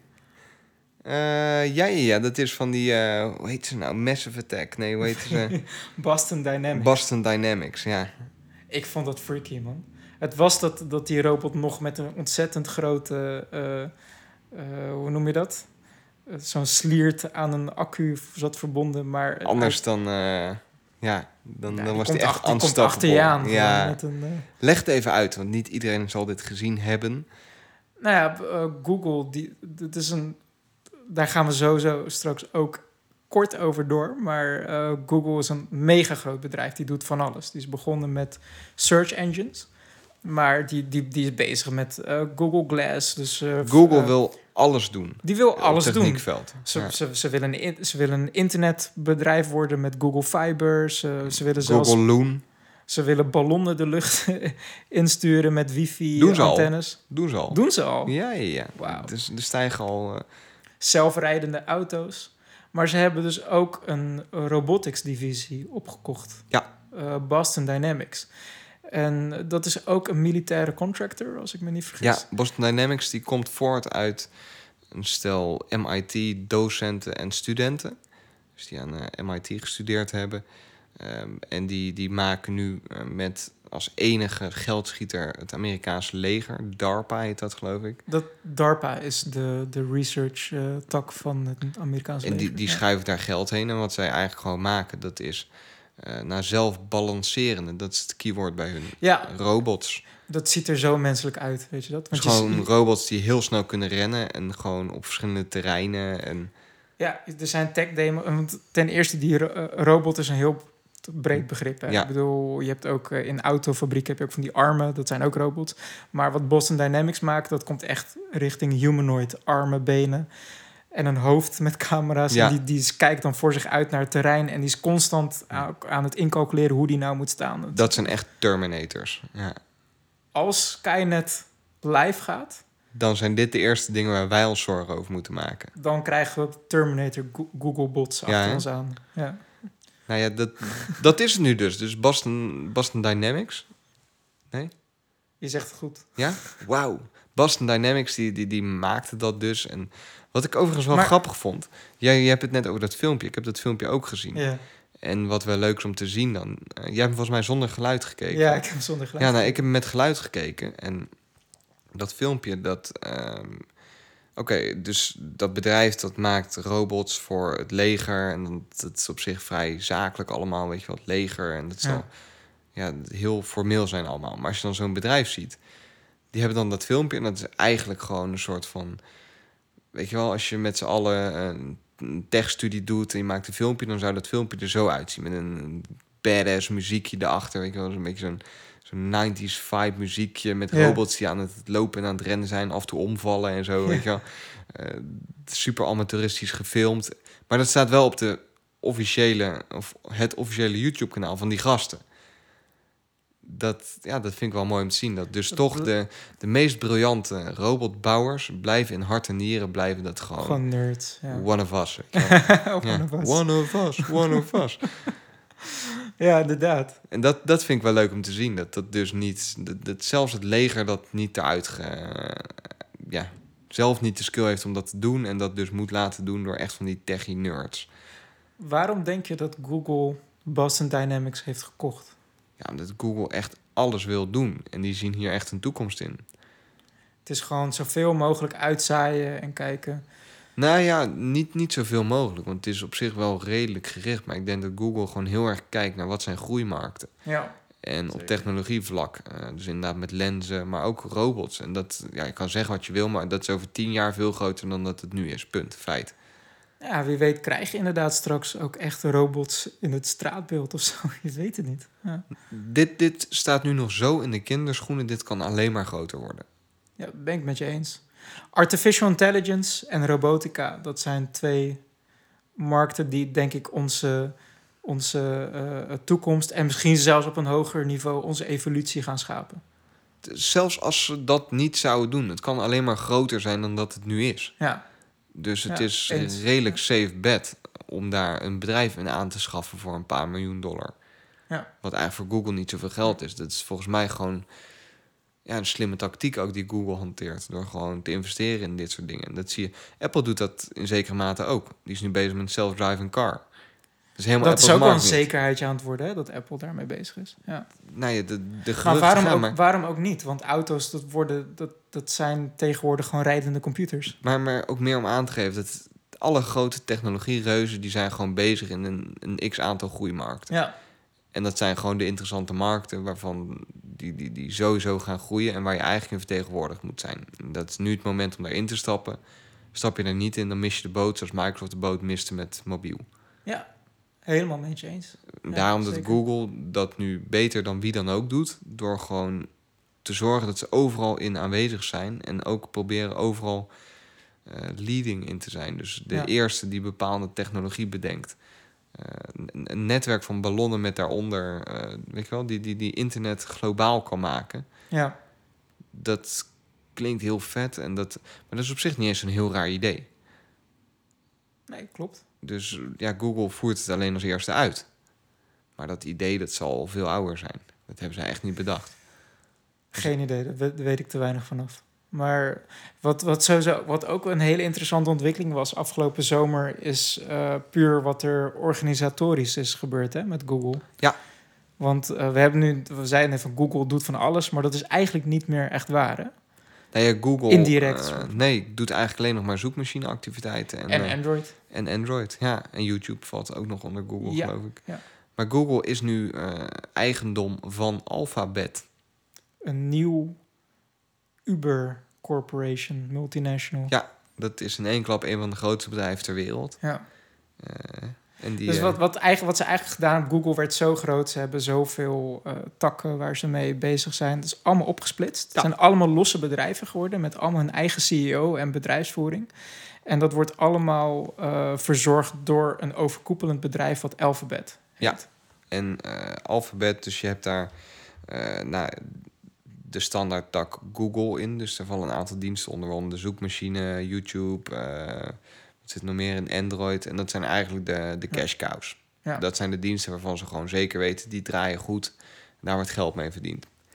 En wat een beetje het idee is, is dat het is gebeurd om ook de, ehm, de investeerders eh, gerust te stellen. Google, ja, die, investeerders van Google werden altijd een beetje eh, sceptisch over het idee dat Google Nou ja, zoveel deed. Ja, precies. Wat je, eigenlijk- wat, je- wat je probeert te zeggen volgens mij is dat je, je investeert in Google, maar je hebt geen flauw idee waar Google het aan gaat Ja. besteden. Google haalt dan heel veel geld binnen met die zoekmachineactiviteiten. En als investeerder denk ik, nou, dat is mooi, dan zijn ze heel rijk. En vervolgens zien ze ook weer van... En we gooien hier weer 100 miljoen Ja. tegenaan. En we Ja. gooien daar weer 100 miljoen. Ja, dat, daar worden ze niet... Op een onderwerp waar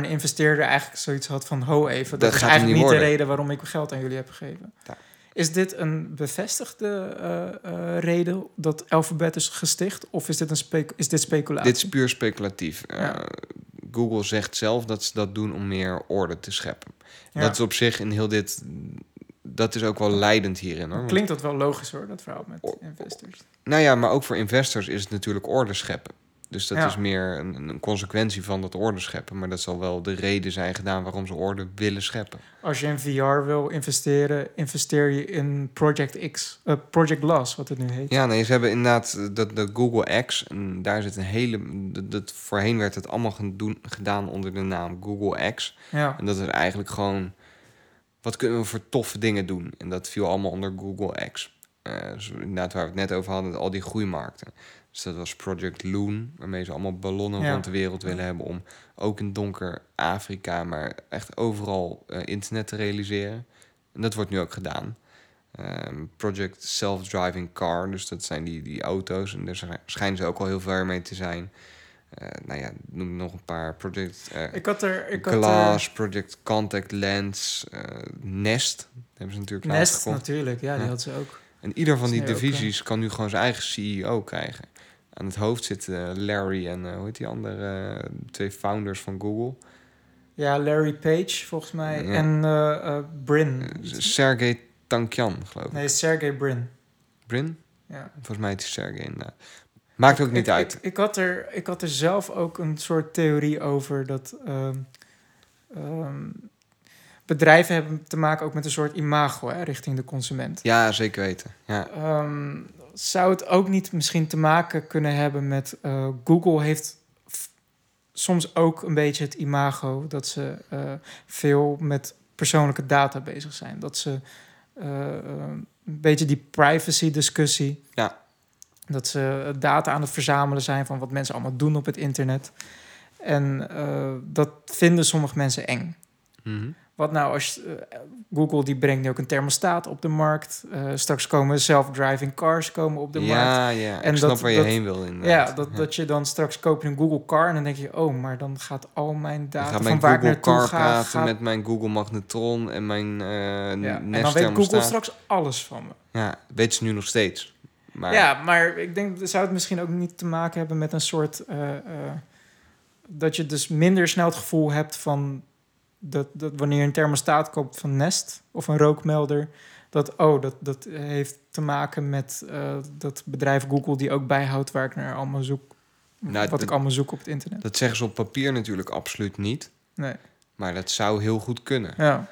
Ehm, ik, ik ga hier Ik nu- geloof ook trouwens niet dat het op de achtergrond dat het ook daadwerkelijk dan dat Google dat Alphabet al hun dienst niet met elkaar gaat linken, maar puur gewoon in- een in paar feite mark- verandert er richting niks. marketing. Gewoon dat je dat ze dat ze hun autoproject echt los kunnen marketen van Google. Nee, maar zelfs voor investeerders verandert er niks. Nee. Want het is nog steeds zo dat Google gewoon ineens een shiton aan, aan, aan geld een andere kant op kan smijten. Ja. Dat kan. Dat, dat is niet anders nu. Het is alleen wel wat er veranderd is. ieder van die, subs, van, die, van die subbedrijven van Alphabet, zeg maar, Ja. die kan aan zich geld aantrekken. Dus stel Nest heeft een tof product, die kan dan zelf angel investors en nou, kunnen ze zelf aantrekken. Ehm, en de hoop is dus dat ze op die manier, dat ze op die manier een beetje eh, meer geld ja, zelf gaan opbrengen. Ja. Dus eh, ik, ja, ik ben wel benieuwd ernaar wat ze, wat ze daarmee kunnen en wat ze daarmee gaan doen. Wat ik, wat, wat ik nog wel kwijt wou, want wat ik echt, waar ik niet bij kan met mijn hoofd. wat ik echt niet snap, is dat je. Vu. Ja. ja, deze rant heb ik al eerder. Nou, het is geen rant, maar ik, ik snap het oprecht niet. Wat was het? Nou, die vraag heb ik eerder aan je gesteld. Maar wat, als jij je bedrijf opricht, wat is dan het eerste, allereerste wat je doet als je een naam hebt bedacht? Nou, ik denk... Kijken of de domeinnaam vrij is. God, David. Precies, ja. Zou ik dus ook doen. Als ik een toffe naam bedacht, eerst even kijken, joh, is de domeinnaam vrij? Nee, shit, moeten we een andere naam bedenken. Hebben ze niet gedaan. Het domein alphabet.com, dat is eigendom van BMW. Gaan ze problemen mee krijgen. En hoe? Want Straks komt de Alphabet Car uit. En dan? Nou ja, dat, Gaan dat, ze, ze gaan het geen Alphabet Car nemen, noemen hoor. Dat ik wel. Nee, nee, nee, zeker. maar het is wel zo. Kijk, in Amerika is het zo. En eh, als jij een bedrijf hebt, dan mag je, dat, mag je een bepaalde bedrijfsnaam voeren, mits je niet actief bent in dezelfde branche. Dus ik mag Ja. in Amerika mag ik eh Calvé eh, schroefjes op de markt brengen. Als ik maar geen Calvé pindakaas op de markt breng, want dan, Als je opeens schroefjes gaat uitbrengen die gemaakt zijn van pindakaas, dan Dat- heb je een probleem. dan denk ik dat ik Ja. sowieso vrij Ja. snel failliet ben. maar dat, dat mag niet. Nee, En eh, BMW heeft ook al gezegd, die zijn zich aan het beraden op juridische stappen. die zien dollartekens natuurlijk. Tuurlijk. Ja. Ik snap niet dat dit niet achter de schermen al is geregeld voordat. Want het, het, gaat ben- verder, hè? Het gaat verder. De website.com, Twitter, die is er niet. De Twitter, die is eigendom van een of andere docent. Nou, daar is Google gewoon een zak met geld heen moeten sturen voordat ze dit doen. ja. Van, joh, hier heb je eh 100.000 dollar, we willen die Twitternaam van je overkopen. Eh, dus de Twitter hebben ze niet, ze hebben geloof ik niet de Instagram. Eh, het is zelfs zo erg. Ehm, iemand heeft nu de website, ehm, even kijken, wat was die? Maar eh, dan even tussendoor. Ja. Dan vraag ik me ook wel gelijk af, hoe belangrijk is het voor Alphabet Ja, dat Alphabet een public awareness krijgt? Dat de gewone man op straat eh, bekend is met Alphabet. ja dat is ook wel weer een goede vraag. Maar ja, ik snap... Ik, ik denk namelijk ergens van niet. Nee, op zich ook niet. Maar ik snap gewoon niet zo goed die stap dat je... Weet je wel, het is wel een big step. Je richt een nieuw bedrijf op dat in één klap eigenlijk op papier een van de grootste bedrijven ter wereld is. Maar je hebt niks. Hm. Je hebt niet de domeinnaam. Je hebt, er heeft nu een of andere prankster, die heeft domein abc.com, wat verwijst naar alfabet, Ja, doorgelinkt naar Bing. briljant. nou, dat, ja, come on. Ik, ik snap dat soort dingen niet. Dat ze niet eh, dat, dat eventjes geregeld hebben voordat ze, voordat ze deze announcement deden. Wat vind je zelf van de naam Alphabet? Gewoon puur de naam Alphabet? Ja, super vet. Ja? Vind ik, ja, vind ik echt leuk. Ja. Ja, ik vond hem op zich ook wel leuk gevonden. Want Google zelf, Google, dat, dat is eigenlijk gewoon een heel groot getal.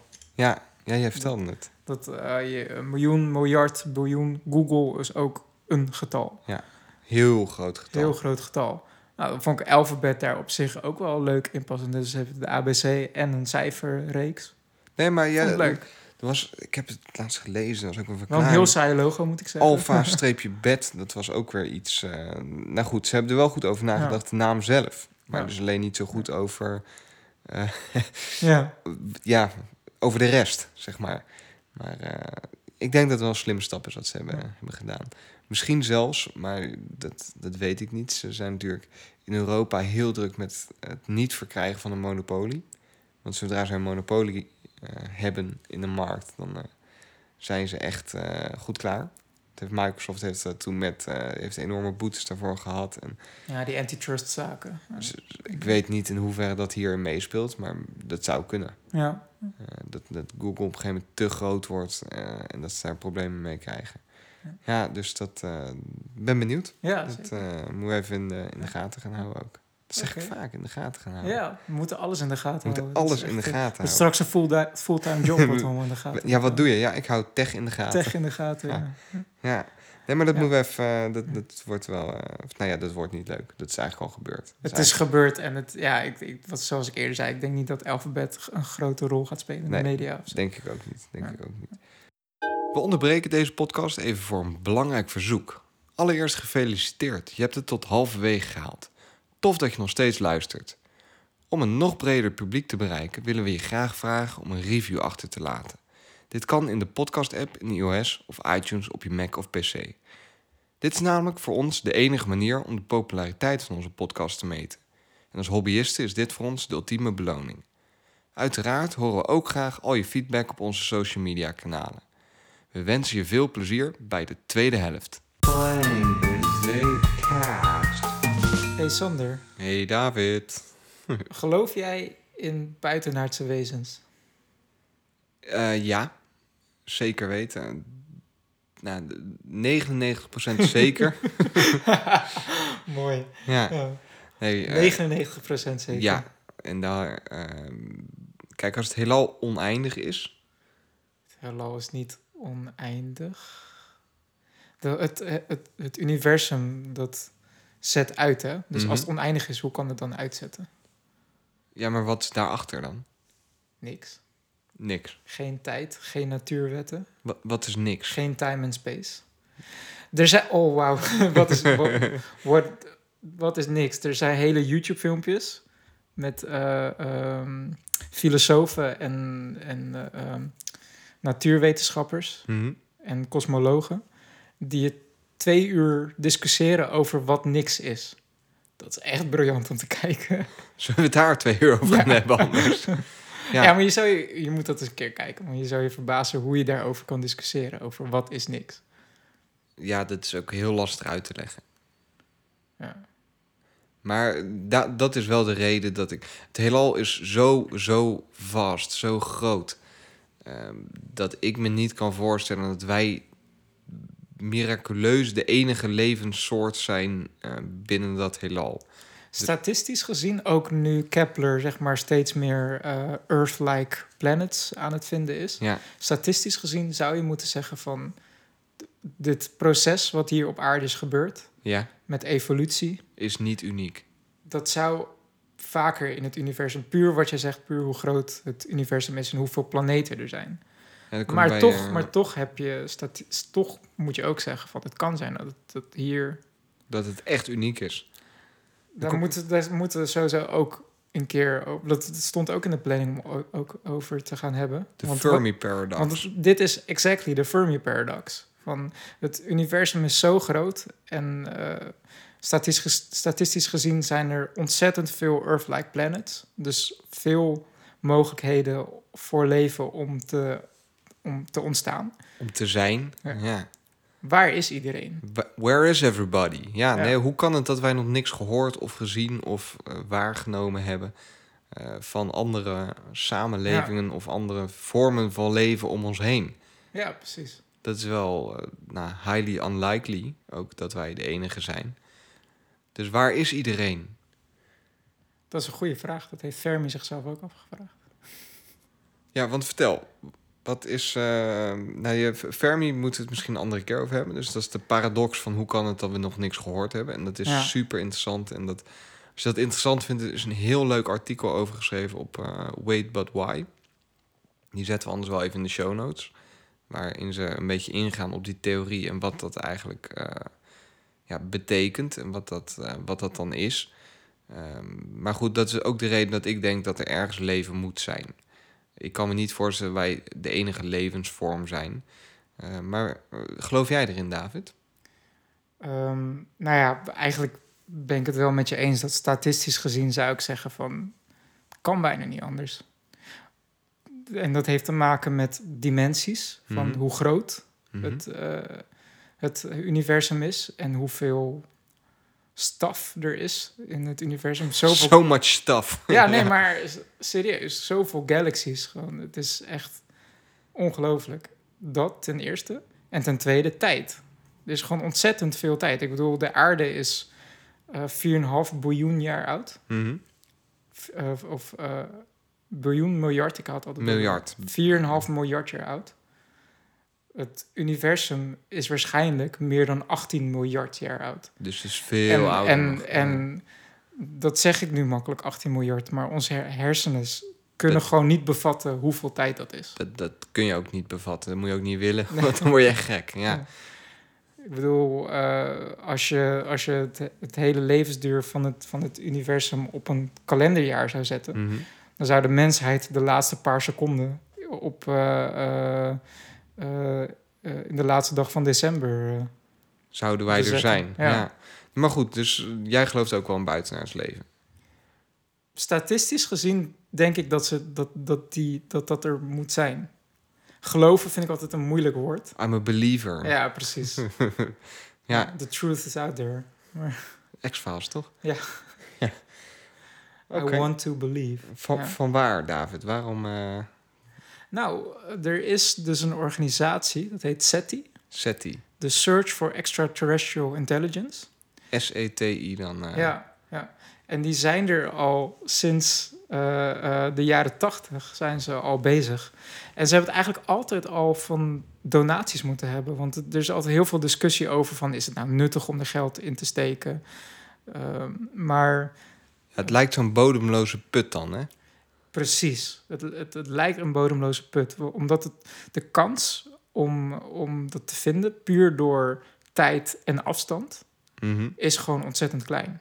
Dus het is een beetje gokken ook. Het is ontzettend gokken. Ja. Maar, en dat heeft Neil deGrasse Tyson ook recent heel mooi gezegd... ehm, de, de reward, de beloning, Ja. als ze het vinden... Is zou zo hoog. groot Ja. zijn dat het toch de moeite waard is om die poging te nemen. Ehm, en ik zei net al, SETI moet het voornamelijk van donaties hebben. Dus Mhm. onlangs eh, heeft een Russische entrepreneur, Yuri, de Russische entrepreneur... Yuri, de Russische entrepreneur. Hij heet Yuri Milner. En eh, hij, jaarlijks doet hij, geeft hij eigenlijk altijd een soort prijs weg. Ja. Eh, dat wordt de Breakthrough Prize genoemd. En dat gaat meestal naar medische instellingen, research. Dat is gewoon een shitton aan geld, of niet? Shitton is jouw woord vandaag. Hè? Ik, vraag, Ja. ik zit me nu te bedenken of ik dat moet wegbliepen of niet. Oké, ik zeg... Dat is gewoon een hele hoop geld, David, of niet? Ja, dat, dat, dat, hij heeft 100 miljoen dollar gegeven. 100 million Ja. dollars. Want zoals ik eerst zei, hij geeft het eigenlijk vaker uit aan, aan eh, medische research. Maar dit Mhm. jaar heeft hij het dus aan SETI gegeven. Ah, SETI, oké. Ja.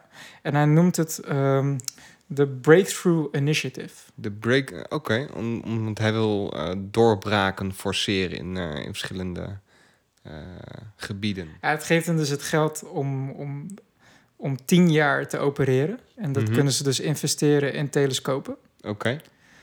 Ehm, en ze verwachten dus ook dat, dat de ontwikkeling, de, de snelheid, eh, 55 keer hoger zal liggen dan voorheen. De snelheid van zoeken dan, zeg maar. Ja, eh, ja. Oké, oké. Het plan is om, om de duizend dichtstbijzijnde sterren te gaan eh, bekijken.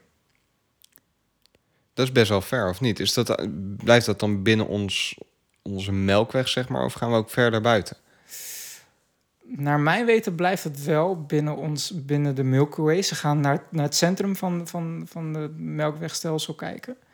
Ehm, ja, en, en wat ook de, de, de uitdaging is... en Ja. dat, dat is eigenlijk ook weer een beetje die gok, hè? Ehm, van waar moet je naar luisteren? Want er zijn verschillende manieren waar een andere intelligentie, hoe een andere intelligentie zou kunnen communiceren. En het zou zomaar kunnen zijn dat een intelligentie communiceert op een bepaald spectrum of niveau wat wij nog helemaal niet ontdekt hebben. Ja, dan is het sowieso al een onbegonnen Maar zaak. eh, hoe bedoel je dat precies dan? Nou, wij gebruiken. ehm, eh, ik moet eigenlijk zeggen, SETI die gaat, die, die, die gooit eigenlijk zijn eieren op twee dingen. Oké. Eh, Gooit zijn eieren. Is dat, is dat een uitspraak? Nee, weet ik niet. Waarschijnlijk niet. Ik gooi Maar mijn eieren op twee dingen. Hoe zeg je dat?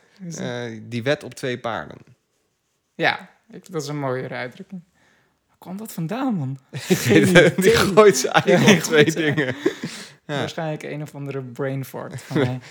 Ehm, radiogolven en, Ja. en, en eigenlijk het, het, eh, het electromagnetic eh, spectrum. Dus dat, dat is radiogolven, lichtgolven van, van het ultraviolette tot het infrarode.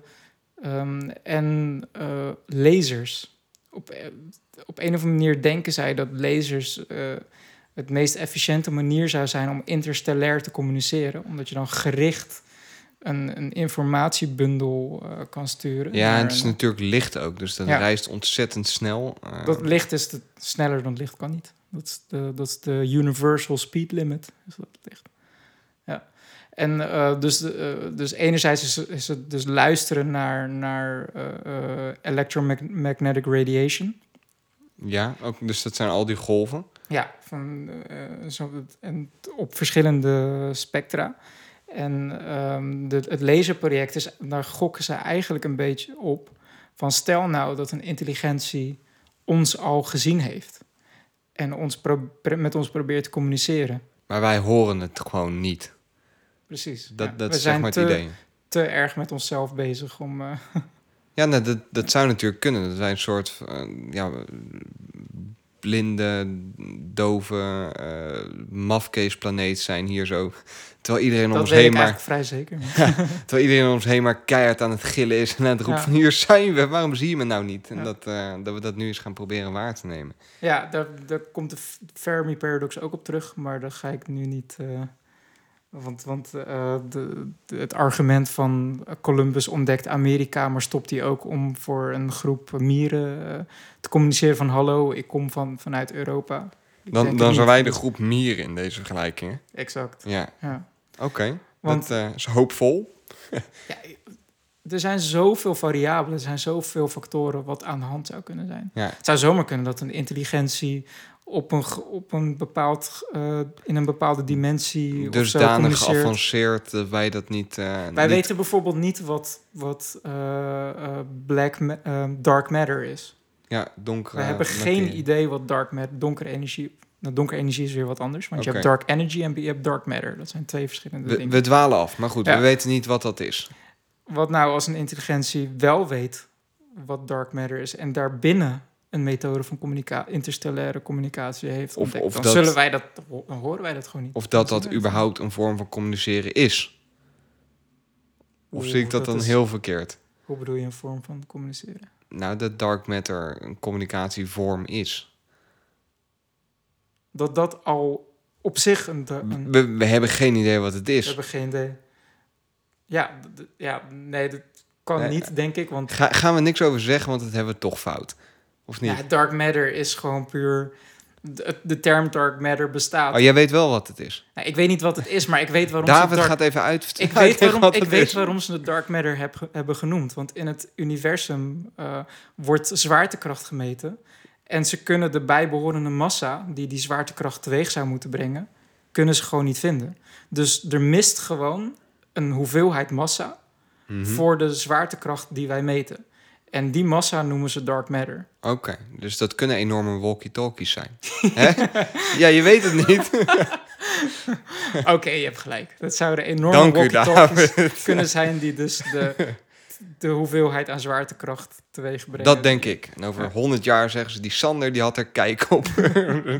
maar goed, ze Ja. zijn dus aan het, aan het luisteren eh, naar golven, eh, naar Dat zijn lasers. waren ze eh, al aan het doen en nu hebben ze echt gewoon genoeg geld om de komende tien jaar daar echt nog serieuzer mee bezig eh, te zijn. het, is, het is een beetje die set-top box van Amazon eigenlijk.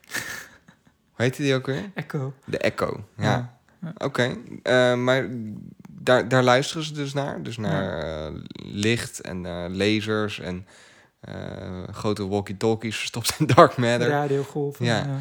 Ehm, wat, wat doen ze nog meer dan met het geld? Zijn ze alleen aan het luisteren? Of? Ehm, ja, dus het is sowieso wat, wat wel interessanter aan is, want ik weet waar je er naartoe mee wil gaan natuurlijk.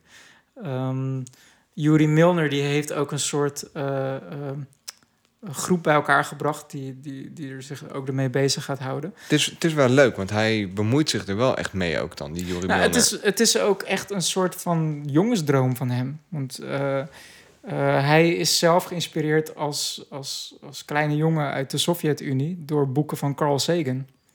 Van Ka- oh, wauw. Carl Sagan is echt een Amerikaan ook, toch?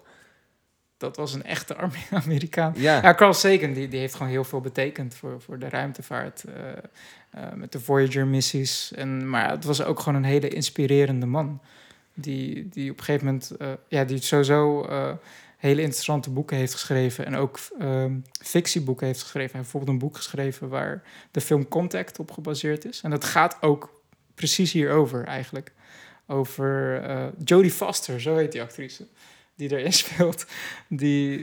Hebben we die film gezien? Nee, ik, ik heb hem niet gezien, Contact. Die ga ik in de show notes zetten. Het is echt een... Ja, ik vind het een hele vette film. Ik denk daar is Oké, dus die is, die is geschreven. Dus we, gaan- we Ook helemaal. Ja, nee, maar dat, dat gaat ook over... eh, dat gaat, die film gaat ook over SETI. Over een vrouw die dus haar passie is om, om dat project op te starten... om naar, naar aliens eh, te, luisteren, luisteren. als het ware. Oké. En in die film krijgt ze ook contact met aliens. Dus spoiler alert. Maar, ja. maar Yuri Milner was dus geïnspireerd door Carl Sagan. Dus dat is Mhm. waarschijnlijk wel een van de grote redenen waarom hij dit gedaan heeft. En hij heeft er onder andere Andrew Yan bij eh, eh, betrokken. Dat is de, de weduwe van Carl Sagan. En die heeft eh, scripts geschreven voor het tv-programma Cosmos. En ehm, eh, hoe heet hij? Zo, jemig. De meneer in de rolstoel en de robotstem. Ehm, Stephen Hawking. Stephen Ja, Hawking. Stephen Hawking. Tuurlijk. It's time to commit to finding the answer to search for life beyond Earth. The breakthrough initiatives are making that commitment. We are live. We are intelligent. We must know. I am Stephen Hawking. Ja, precies. Die, ja. Dat was net alsof hij in de kamer zat. Ja, hè? Unbelievable. Hij zit hier stiekem ook. ja. Hij, hij fluistert me constant in de oren. Wat dark matter, dark matter is... eh, Nee, Dark matter is a...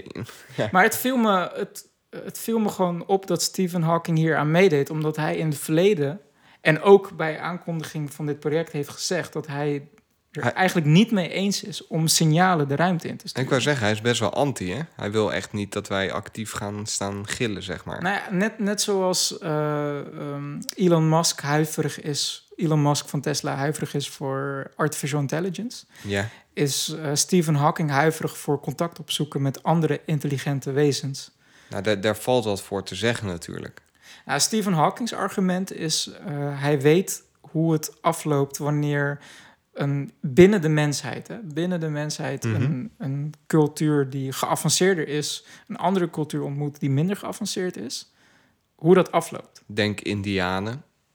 Indianen en kolonisten, Amerikanen, eh, Spaanse conquistadors. Dat, dat loopt nooit zo goed af voor de, voor de minder ontwikkelde partij, Nee. zeg maar. Als wij een andere intelligentie, eh, eh, contact opzoeken met een andere intelligentie, hun vertellen waar we zijn en hun hebben de technologie om ons te bereiken, dan zijn ze sowieso ver, ver, ver verder gevorderd eh, dan ons. D- dat is eigenlijk ook waar we naar op zoek zijn, toch? Het is niet zo spannend als wij al die berichten of, of gaan luisteren naar eh, ja, eencellige eh amoebes op. Ja, maar zelfs dat, dat zeg je nu wel, maar zelfs dat zou wel echt een doorbraak zijn. Dat, dat het, want we hebben, we hebben puur, puur, we kunnen alleen maar statistisch zeggen van het zou mogelijk kunnen zijn dat er op een andere planeet biolo dat leven zou kunnen. Een eencellig organisme is leven. Daar Ja. hebben we het niet over, want er eh, lopen er hier genoeg rond in Rotterdam. Nee, maar organisch materiaal, aminozuren en dat soort dingen, dat zouden we sowieso, denk ik, binnen onze lifetime kunnen vinden. Dat, Op- op ja, Mars. dat denk ik ook wel. Op Mars of op een, of, of op een komeet. Dat zie ik wel gebeuren. Maar dat zou wel een hoop bewijzen, want dat betekent dat het. Dat zou een hoop als bewijzen, zo maar dat is niet- al levensvormen voorkomen, dan is het echt inevitable dat er meer. Maar dat is niet de smoking gun als echt eencellige organismen vinden op een andere planeet. Dat is, dat is denk ik echt wel een stap hoger dan puur alleen eh, biologisch materiaal, moleculen, aminozuren. En jij vinden. denkt dat we binnen onze, onze levensduur ook geen eencellige eh, beestjes gaan vinden? Geen idee, want dat valt of, of, of staat op die Fermi-paradox-theorieën. Over de filters van dat. Het zou zomaar kunnen zijn dat het universum vol zit met biologisch materiaal. Maar om dat biologisch materiaal bij elkaar te brengen tot een. Tot een- leven? tot leven. Het zou zomaar kunnen zijn dat, dat er zoveel unieke ehm aaneenvolgende dingen voor nodig zijn. Net zoals je opnames verwijderen. Ja, je- ja, ja, Dat, dat, dat zou zo uniek kunnen zijn dat het misschien maar één keer voorkomt. ja.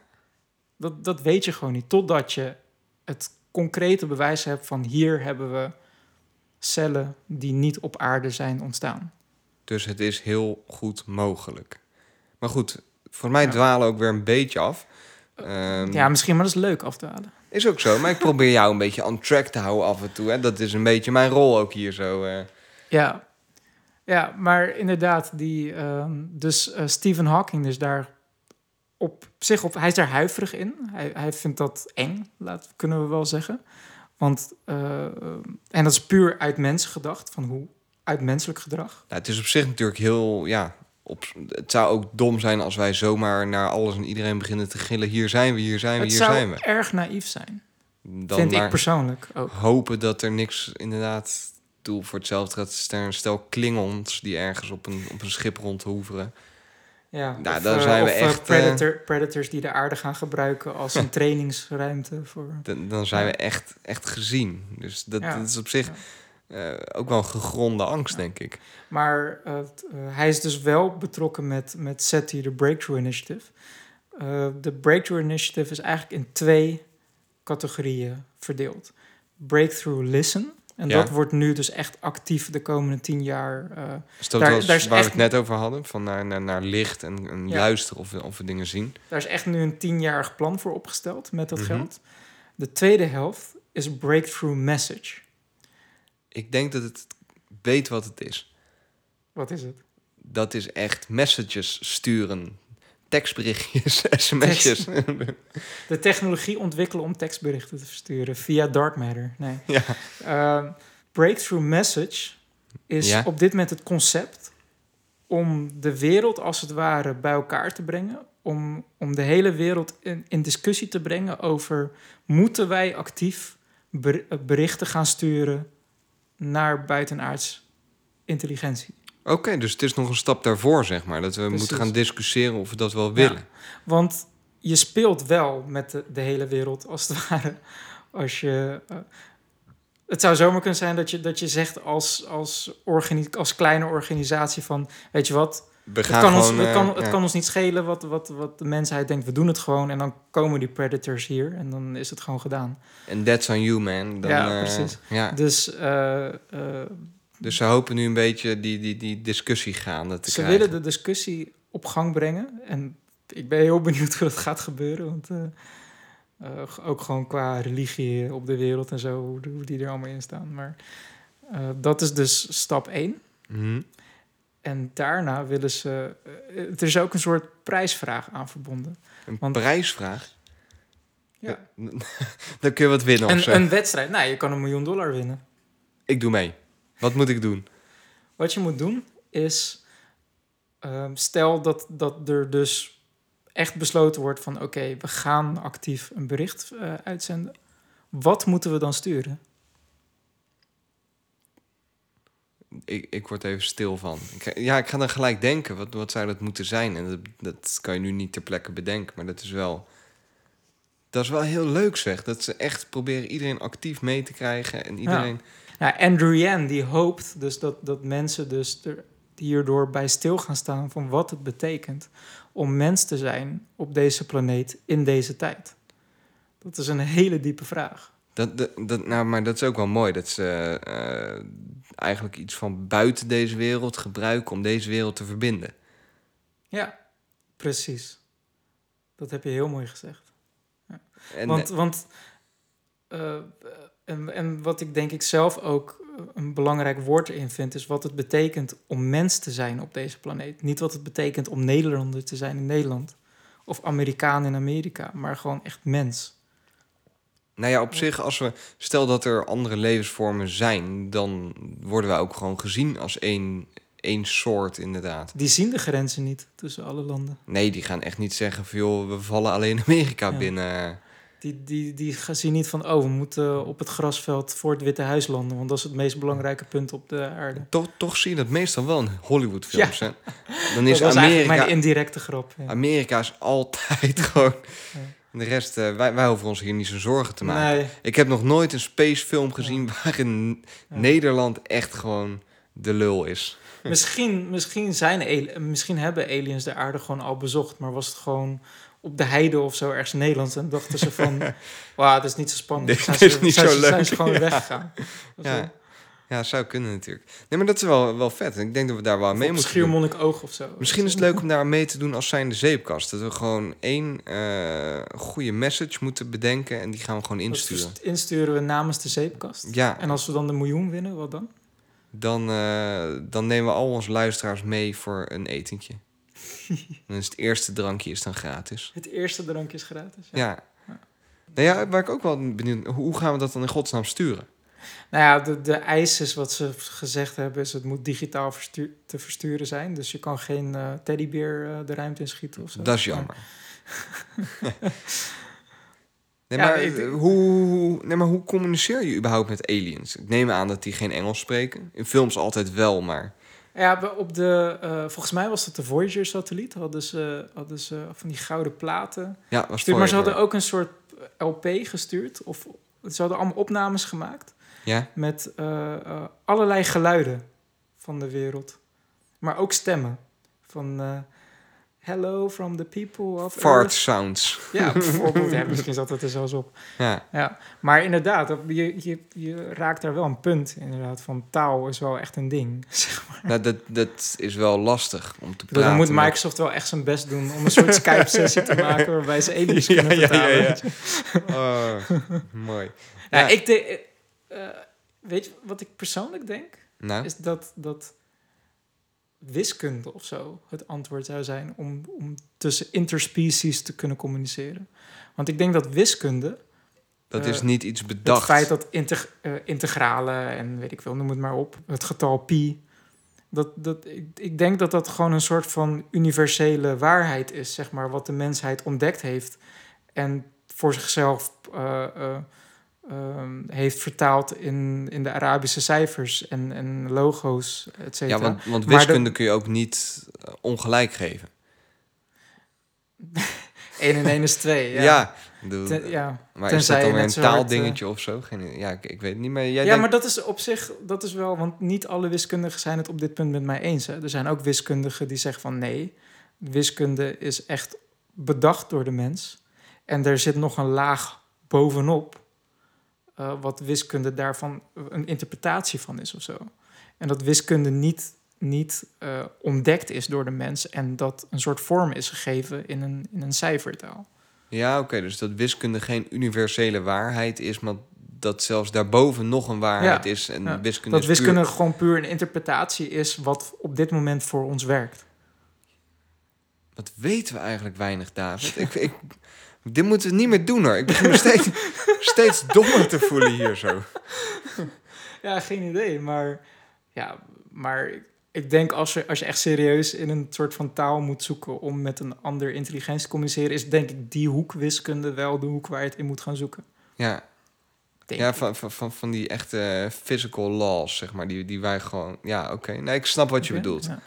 Want eh, met een, eh, een woordenboek ga je het, ga je het niet eh, redden. Dat kunnen we ook doen. Gewoon heel, Of een- heel of de een dikke eerst- vandalen opsturen. Eerst een zo'n Rosetta Stone cursus naar de alien sturen.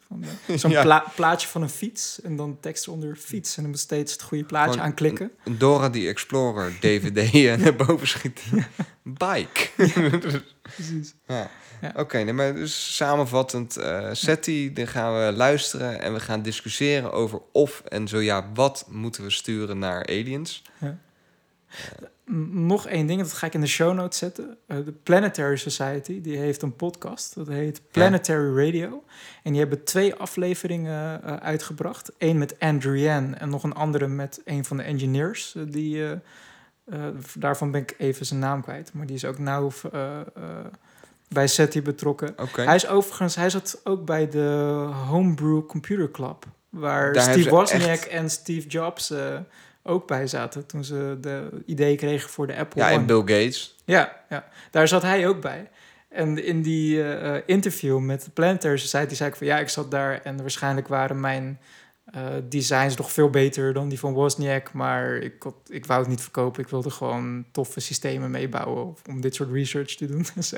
Ja, kijkt nu lekker op zijn neus. Ja, precies. Had die Kan je makkelijk multi, af- multimiljonair Makkelijk, makkelijk achteraf te zeggen. Ja. Ja, dat, Maar het zijn zeker die met Andrew, Andrew die, gaat, die gaat meer over het bijna spirituele erover. Over dat hele breakthrough message idee. En, dat, dat, vind- dat zijn de kanten is die echt- ik persoonlijk heel leuk Ja, vind Die is heel mooi. En die andere aflevering gaat ook echt meer over technische. Over het bekijken, naar zoeken naar lasers en dat soort dingen.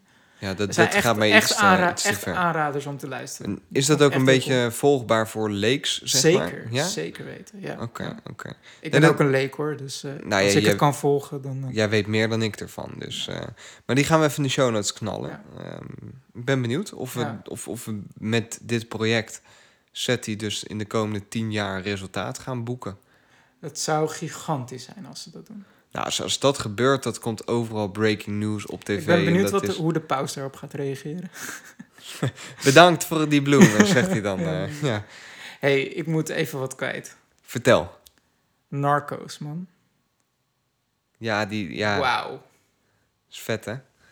Wauw. Nou ja, vet Ik is, heb het vet- is misschien niet het, het, het goede woord, maar jij, jij wou hem in eerste instantie niet zien en ik heb jou een beetje gedwongen om hem wel te kijken. Ja, precies. Want even voor de duidelijkheid, duidelijkheid echt compleet 180 van Aliens, maar Narcos is een nieuwe Netflix original.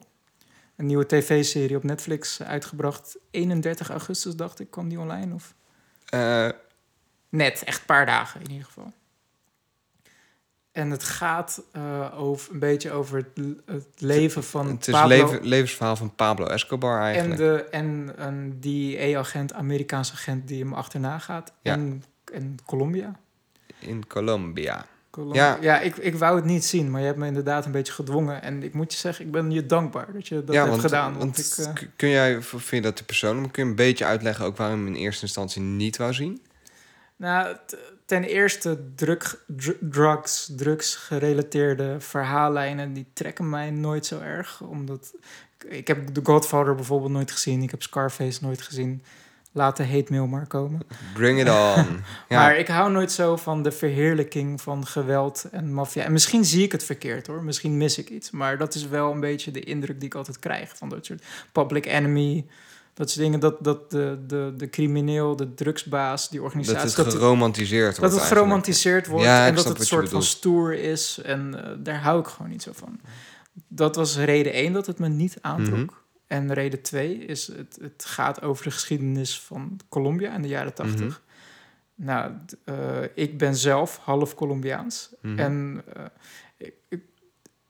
Het, het kwam wat dichtbij. eh, het komt op een of andere manier toch wel erg dichtbij me. En ik vind het altijd ook erg moeilijk dat Colombia steeds... Ik ben het gewend dat als ik zeg van ja, ik ben Colombiaans, dan... eh, oh ja, dan eh, heb, je nog drugs, Heb je nog wat drugs voor me? Ik kan er wel om lachen, weet je. Ik heb een dikke huid, ik vind het allemaal prima. Maar het is wel toch wel vervelend dat Colombia nog steeds zo zwaar geassocieerd wordt Ja, met die tijd. En, en eh, ehm, ja, daar zat ik ook gewoon niet echt op te wachten. En zeker omdat ik gewoon de naam zag Narcos en de, de, de artwork met Pablo Escobar ervoor. dacht van, oh, gaan we weer, ja. weet je. Dit, dit moet de Dus komende paar jaar weer aanhoren. dacht. Precies, Ja, dus dat, dat zag ik gewoon niet zo zitten.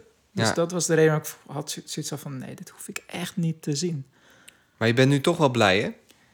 Ik heb, het zijn tien afleveringen. Ik heb nu de eerste zeven afleveringen gezien. Ik ben helemaal om. Ja, hij is, Eh, echt, eh, hij is echt heel goed. Het is opgenomen ook in Colombia. Het speelt zich af in Bogota en Medellin eh, voornamelijk. En ehm, ten eerste, het is, ja, Netflix is echt goed bezig. De, de originals, Zo. zo. mooi in beeld gebracht. Ja, de enige, Het die is een beetje, alsof je er bent. de enige die een beetje geflopt was, was geloof ik die... Ja, weet je nou? ehm, Die, die Marco game- Polo. Marco Polo. ja, die heb ik was- ook niet afgekeken. Die vond ik echt, was mooi in beeld gebracht, maar het verhaal dat was net gewoon- niet. Ja, Nee, maar eh, Narcos is het net wel. zo. Ja, Ja, het is prachtig in beeld gebracht. De heerlijke Zuid-Amerikaanse muziek. Dat, daar word ik ook wel daar, daar word je warm van, hè? Ja, zeker. Ehm, dus de sfeer is helemaal perfect gedaan. Acteerwerk, perfect. Grotendeels Spaans gesproken, met ook veel lokale acteurs. Perfect. Ja, ze waren ook allemaal goed gecast, hè? Ja, zeker. als je die- want- zeker. Wat ze heel vet doen ook, is dat ze beelden van de echte Pablo Escobar en de acteur en zo. Echte beelden worden verweven. worden verwisseld. Ja, een- bijvoorbeeld een heel goed voorbeeld is dat Pablo Escobar zich, zich eh, in een van de vroege afleveringen zichzelf laat oppakken, als het ware. En dan wordt hij gefotografeerd met Zijn- een bekende mugshot. bordje. Zijn Ja. mugshot met een bekend bordje met cijfers eh, voor zijn gezicht. En dan een flits, de echte foto die toen de tijd genomen is. Ja, dan word je elke keer eraan herinnerd van dit is wel... eh, eh, Dit is echt gebeurd. Dit is niet... Ja. eh, Natuurlijk hebben ze dingen geromantiseerd en moeten ze dingen invullen. Maar ze, hebben, dus ze proberen wel de rode draad te, te vullen. Ook met archiefbeelden van het, het gerechtsgebouw wat in Bogota wordt bestormd met tanks. Dat het gewoon echt in beeld wordt gebracht. Soms ook erg heftig dat je ook echt vermoorde mensen, Ja, als je, als, je, als je mensen... hem gaat kijken, moet je wel een dikke huid hebben. Want er zitten best wel heftige, heftige wat er, scènes in. wat er in de jaren 80, begin jaren 90 in Colombia is gebeurd, is monsterlijk. Het is Ja. gruwelijk. Ja, maar dat... En, daar, en daar schrikt de serie niet voor weg. Ze laten het wel zien. En dat is dus gelijk waarom ik zo enthousiast ben over de serie. Eh, waar ik bang voor was, dat het, dat geweld geromantiseerd wordt en zo, is niet het geval. Nee, het, Eh, het wordt wel heel duidelijk. Pa- eh, Pablo Escobar wordt neergezet als het monster dat hij ook echt was. Ondanks dat hij dus ook zijn geld gebruikte om, om huis te bouwen en geld weg te geven. Nou ja, wat ze, wat ze ook wel knap doen, is dat ze je in eerste instantie ook wel een beetje in laten zien waarom eh, hij ook gezien zou kunnen worden als weldoener, zeg maar. Ja, maar dat was puur om zijn eigen hachje te redden. En dat, En hij mikte, hij mikte op de, de, de nood die de arme mensen ha- hadden. En voor de duidelijkheid, Colombia is niet één grote jungle waarin iedereen in houten hutjes woont en zo. Maar wat wel het feit is, is dat in Colombia een grote kloof is tussen arm en rijk. Ja. En Pablo Escobar, die richtte zich echt op de arme mensen. jongen van het volk. Ja. Ja. Ja. Maar dat was echt puur om, om zichzelf eh, te beschermen. Maar ja, wa- wat ik heel bizar vond aan die... Want ik, ik had ook even die Wikipedia-pagina Ja. en zo erbij gepakt en gelezen. Maar hoeveel dingen echt zo uit een Hollywood-script gepakt zijn... Of, of lijken te zijn, Ja. zeg maar. Maar dat is gewoon echt gebeurd. En Ja. dat is echt... Ja. Dat is zo bizar wat die man allemaal aan... Nou, echt, echt Hollywood-taferelen... Nee, dat is misschien de verkeerde term... maar echt aan bizarre dingen heeft gedaan in het land. Dat hij eigenlijk gewoon heel dat land gegijzeld had. Dat was dus mijn volgende punt. Dat, dat je dus ook duidelijk ziet. wa- Wat, wat, wat me ook heel blij maakt, is dat je heel, dat heel duidelijk ook in de serie de kant van de regering, van de Colombiaanse regering, in beeld wordt gebracht.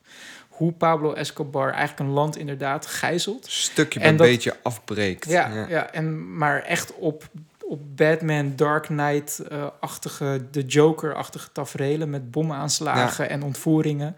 Eh, en dat er toch politici waren die, die elke keer weer er tegenop stonden en niet toegaven. En dan elke keer ook weer vermoord worden. En dat elke keer dat Colombia zo'n tegenslag kreeg, dat er weer iemand opstond die eh, voor ontzettend moeilijke keuzes kwam. En, zo. en dat, dat, ja, ik weet niet, dat raakt, hem, eh, raakt me ook persoonlijk natuurlijk. Hè? Omdat ik, maar ik was er gewoon zo blij om, om dat te zien. Dat, dat ook de Colombiaanse regering en zo, en het volk ook. Eh, ehm, met die bijvoorbeeld die protesten eh, tegen, de bom, tegen de ontvoeringen. En eh, dat dat ook allemaal goed in beeld wordt gebracht. Ja, nou ja, ik, ik was ook erg onder de indruk. En ik denk ook wel dat... Dus nogmaals, als je, als je niet van geweld houdt... kijk dit alsjeblieft niet. Het is erg grafisch. Maar het maar is het is wel- toch, wel, het is toch f- f- op een of andere manier... Het is een heel eerlijke serie. Ja, ja. En hij is wel geromantiseerd. Want volgens mij is heel dat verhaal van die DEA-agent die erin zit... Ik vraag me af of dat Hij- ooit gebeurd is. Die, ik heb het opgezocht. Het, het zijn wel echte agents. Ja, je die, ziet eh, hem geloof ik op een gegeven moment ook tijdens de intro Ja, zelfs of ja zo. je ziet hè? een foto van hem in de intro. inderdaad. Van, Dus- de, e- van de echte Murphy heet hij. Maar dat, dat zal heel erg geromantiseerd zijn. Maar de kant van Escobar en de kant van het Colombiaanse volk, dat is Ja. wel echt.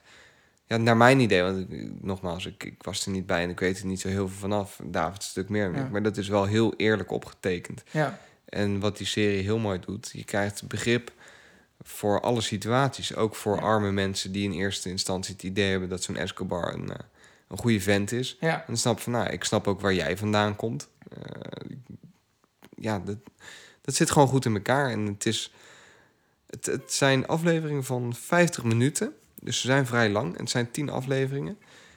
Heb ik je, heb in één dag zeven afleveringen gekeken. heb je de tijd ervoor? Ga hem alsjeblieft kijken. Wat ik ook heel cool vond, was dat... eh, Oké, natuurlijk de Am- Amerikanen, de Amerikaanse eh, eh, regering heeft ook een presence Ja, in Colombia. Onder andere door die DEA-agent. Maar ik vond het ook heel leuk om te zien hoe de Amerikaanse... Vooral de presidenten toen, Nixon en Reagan, hoe die afgeschilderd hoe werden. populistisch die waren. Ja. Van joh, het volk wil horen dat wij in oorlog zijn met de communisten. En dat is nu probleem nummer één. En ook hoe de Colombiaanse regering oprecht het probleem zelf wilde oplossen. Ja. Dat ze eigenlijk zoiets hadden van... Amerikanen, blijf hier buiten. Dit is ons gevecht. En dit gaan wij zelf oplossen. Ik- Een van de zinnen die mij echt trok... was de, oké, de, de eh, Amerikaanse ambassadeur die sprak toen met hun van... ja, oké, we wil- willen dit voor jullie doen... En toen zei eh, een van de politici: When all this is over, the Colombians will be the heroes and the victims. John Wayne only exists in Hollywood. En toen dacht ik van, ja, dat is voor mij echt de essentie van die show. En dat, dat typeert ook heel goed die tijd, denk ik. Inderdaad. eh, met, met, met ja, Amerikanen die in de waan, of die eigenlijk in een soort periode leveren waarin John Wayne groot is. En Ja. eigenlijk ja, hard gefeest wordt en eh, het communisme de, de grootste bedreiging is die, Ja. die op het punt staat dat weg te nemen. Uiteindelijk werd alle coke in Amerika gebruikt. Dus Colombia zegt van, nou, als jullie al jullie resources nou even op jullie eigen land richten, is het, is, dat zou misschien ook, ook heel erg, ja. heel erg helpen. Ja. Ja. Maar ik denk, ik denk eh, dat dit ook een serie is die we niet moeten gaan reviewen. Want dit is nee, dit ja, het je- niks. Het is gewoon, het is eigenlijk een beetje historie ook. Dus valt weinig. Ik ben in ieder geval tot nu toe gewoon heel positief over. Ik, ik denk gewoon dat we deze nu eh, als, als tip moeten meegeven. Ja. eh, en dat je die ook moet gaan kijken. Ik vind het wel interessant om even te horen wat je ervan vond. Ja. Ehm, dus als je, als je het leuk vindt, deel dat dan even met ons op onze Facebookpagina. Dat, ja, nogmaals, dat vinden we heel leuk om te horen. Dus deel dat eventjes. Ehm, ja, wil jij er voor de rest nog iets over kwijt, David? Over Narcos? Ehm, nee, ik heb eigenlijk mijn zeg heel gezegd. Narcos op Netflix. Netflix Original, 10 afleveringen. Ga hem kijken. Ja, we hadden de vorige podcast hadden we het ook over een andere Netflix original, hè? Ne- Sense8. En hopelijk hebben een aantal van jullie hem nu ook bekeken. Je had er de Ja. hele zomervakantie voor. Laten we de show eh, eh, afsluiten. Ik heb geen idee hoe lang die nu weer is, man. Z- Zullen we dat eens even spieken? Ik, oh, ik denk dat die echt weer richting de twee uur gaat. Nou, dan hebben we in totaal Misschien vier, anderhalf- vier uur aan podcast misschien gemaakt anderhalf uur, misschien anderhalf uur. Ehm, ja, laten we het afsluiten. En ehm, daarna speel ik even een sirene af. En dan gaan we, denk ik, Sense8 nog he- heel even kort bespreken, Ja. denk ik. Lijkt me leuk. Ja. Ja, cool. Nou, lieve luisteraars, bedankt voor het luisteren weer. Ehm, het is voor ons een eh, beetje aparte podcast geweest, omdat het eh, de tweede versie was. Dat was hartstikke leuk, man. Ja, ja, ik doe toch ook niks af aan de podcast. Ik, eh, ik, geef ik, ik vond het wel, wel een ervaring zo. Ja. Ehm, bedankt voor het luisteren. Mocht je tips, tricks, andere toevoegingen hebben, deel ze even met ons op onze Facebook. Ehm, of mail ze even naar sanderapenstaartjezeepkast.nl of david.zeepkast.nl. Heb je nou leuke artikelen, mail ze dan naar pocket.zeepkast.nl. Dan verschijnt die automatisch in onze eh, reading list. Ehm, wat hebben we nog meer? Oh ja, laat even op onze Facebookpagina weten, korter of langer. That's it. Laat even weten wat je vond van Narcos. En dan eh, denk ik dat we er zo eh, mooi een eind aan kunnen gaan breiden. Blijf even luisteren als je het interessant vindt om onze review over Sense8 te horen. Heb je hem nog niet gekeken, dan eh, is dit het eindpunt. Dan bedank ik je hartelijk voor het luisteren. En ik denk eh, David ook. Yes, dank je voor het luisteren. Dus eh, live long and prosper. Ciao.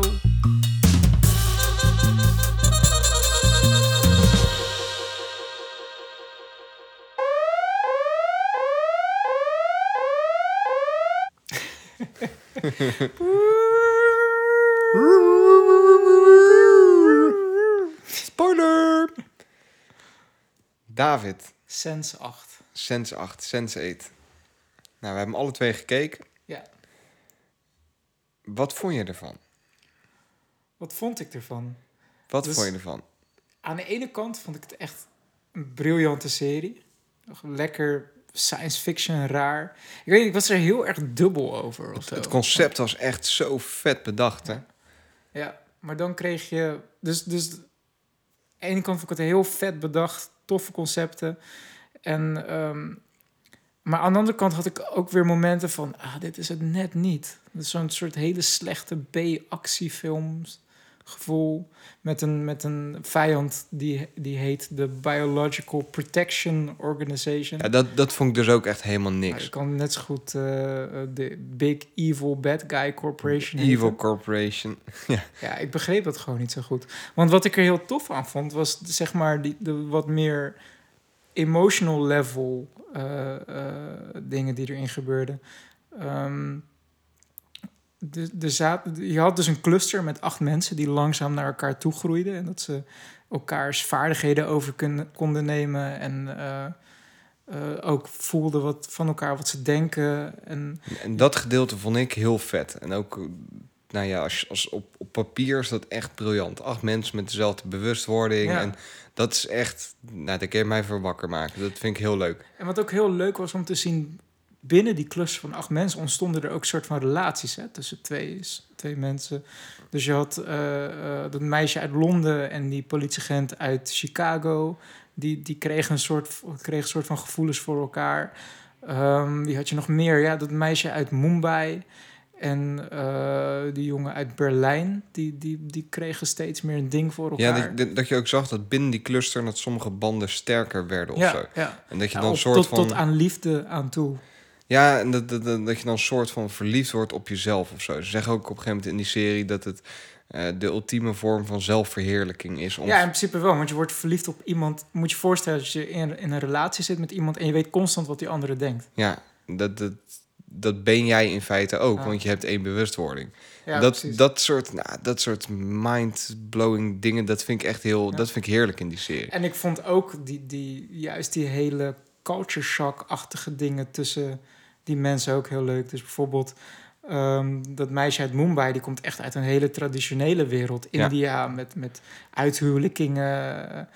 En, en eh, die Berlijnse gast, eh, Wolfgang heet hij volgens mij, die komt echt uit een hele criminele, agressieve eh, wereld. Maar toch voelden ze wat voor elkaar. En dan staat opeens een naakte Wolfgang in de slaapkamer van, van dat meisje uit Ja. Mumbai. Ik vond het gewoon hele leuke momenten. Ja, nou, dat, dat vond ik ook echt, dat maakte echt die serie voor me. En je krijgt ook van die bizarre scènes, zoals wat jij de vorige podcast zo mooi noemde. De, Collectieve seksscène, Ik ja. kan hem niet loslaten. De collectieve seks. Ja. Ja. ja. De orgie. Nee, maar dat, dat, dat is echt, dat vond ik de sterkste punten van die serie. Dat was zo interessant om te zien. En dat, dat is, eh, want ook eh, wat Valerie op onze Facebook vraagt, eh, dat is op zich in het verlengde hiervan. Of wij verwachten eh, dat die eh, banden tussen verschillende personen, dat die sterker gaan worden in het komende seizoen. Dus niet reviewen, maar dat is een beetje, eh, ja, wat denken wij daarvan? Ik denk wel dat die banden alleen maar sterker gaan worden. Ik hoop het wel, omdat ik dat het interessantste vind om naar te kijken. Ja, ja want, nou, oké, dus dit, dit was de positieve kant ervan. Ja. Dan komen we bij de negatieve kant. Of wat, wat, Nou ja, de, de, negatieve kant voor mij is dat ehm, die cluster, die acht mensen, die worden ook als het ware, daar wordt op gejaagd. Die worden door een een of- door een, ja. een of andere organisatie, dat heet dus BPO. ja, Met, eh, met eh, als soort frontman een, een mysterieuze gast, Whispers. whispers, ja. En die heeft ook dezelfde gaven. En als hij hun in de ogen kijkt, dan kan die in die cluster komen of zo en kijken wat hun zien. En het voelde zo geforceerd voor mij. Van Er deze, moet ook een deze bad guy serie zijn heeft en- ook een bad guy nodig, Ja. inderdaad. Iemand die hun achtervolgt. En het, het, ja, het- Nee, dat, dat vond ik ook niet leuk. En dat vond ik ook... Nou, dat hadden ze voor mij helemaal weg kunnen laten. Dat, dan was het. Dan, dan zou je. Dan krijg je natuurlijk mensen die zeggen van ja, wat een saaie serie. Het gaat nergens over. Maar dan had het gewoon lekker voortgekabbeld op een hele fijne manier met, ding, met momenten waarvan je, waar je over gaat nadenken. En nu had je steeds momenten van, oh, er is een actiescène, er is een... Dat einde begreep ik dus ook niet, hè. Want het, het eindigde dus echt met... eh, sowieso was voor mij de hele ehm beweegreden voor die organisatie om die Sense8 groep te... te Ja, waarom willen dat ze begreep, dat? Dat Ja. begreep ik gewoon. Ze zijn gewoon anti-freaks of zo. Een beetje dat X-Men eh, discussie. Ja, maar bij X-Men wordt het nog duidelijk gemaakt. Ja, van, joh, precies. Ja.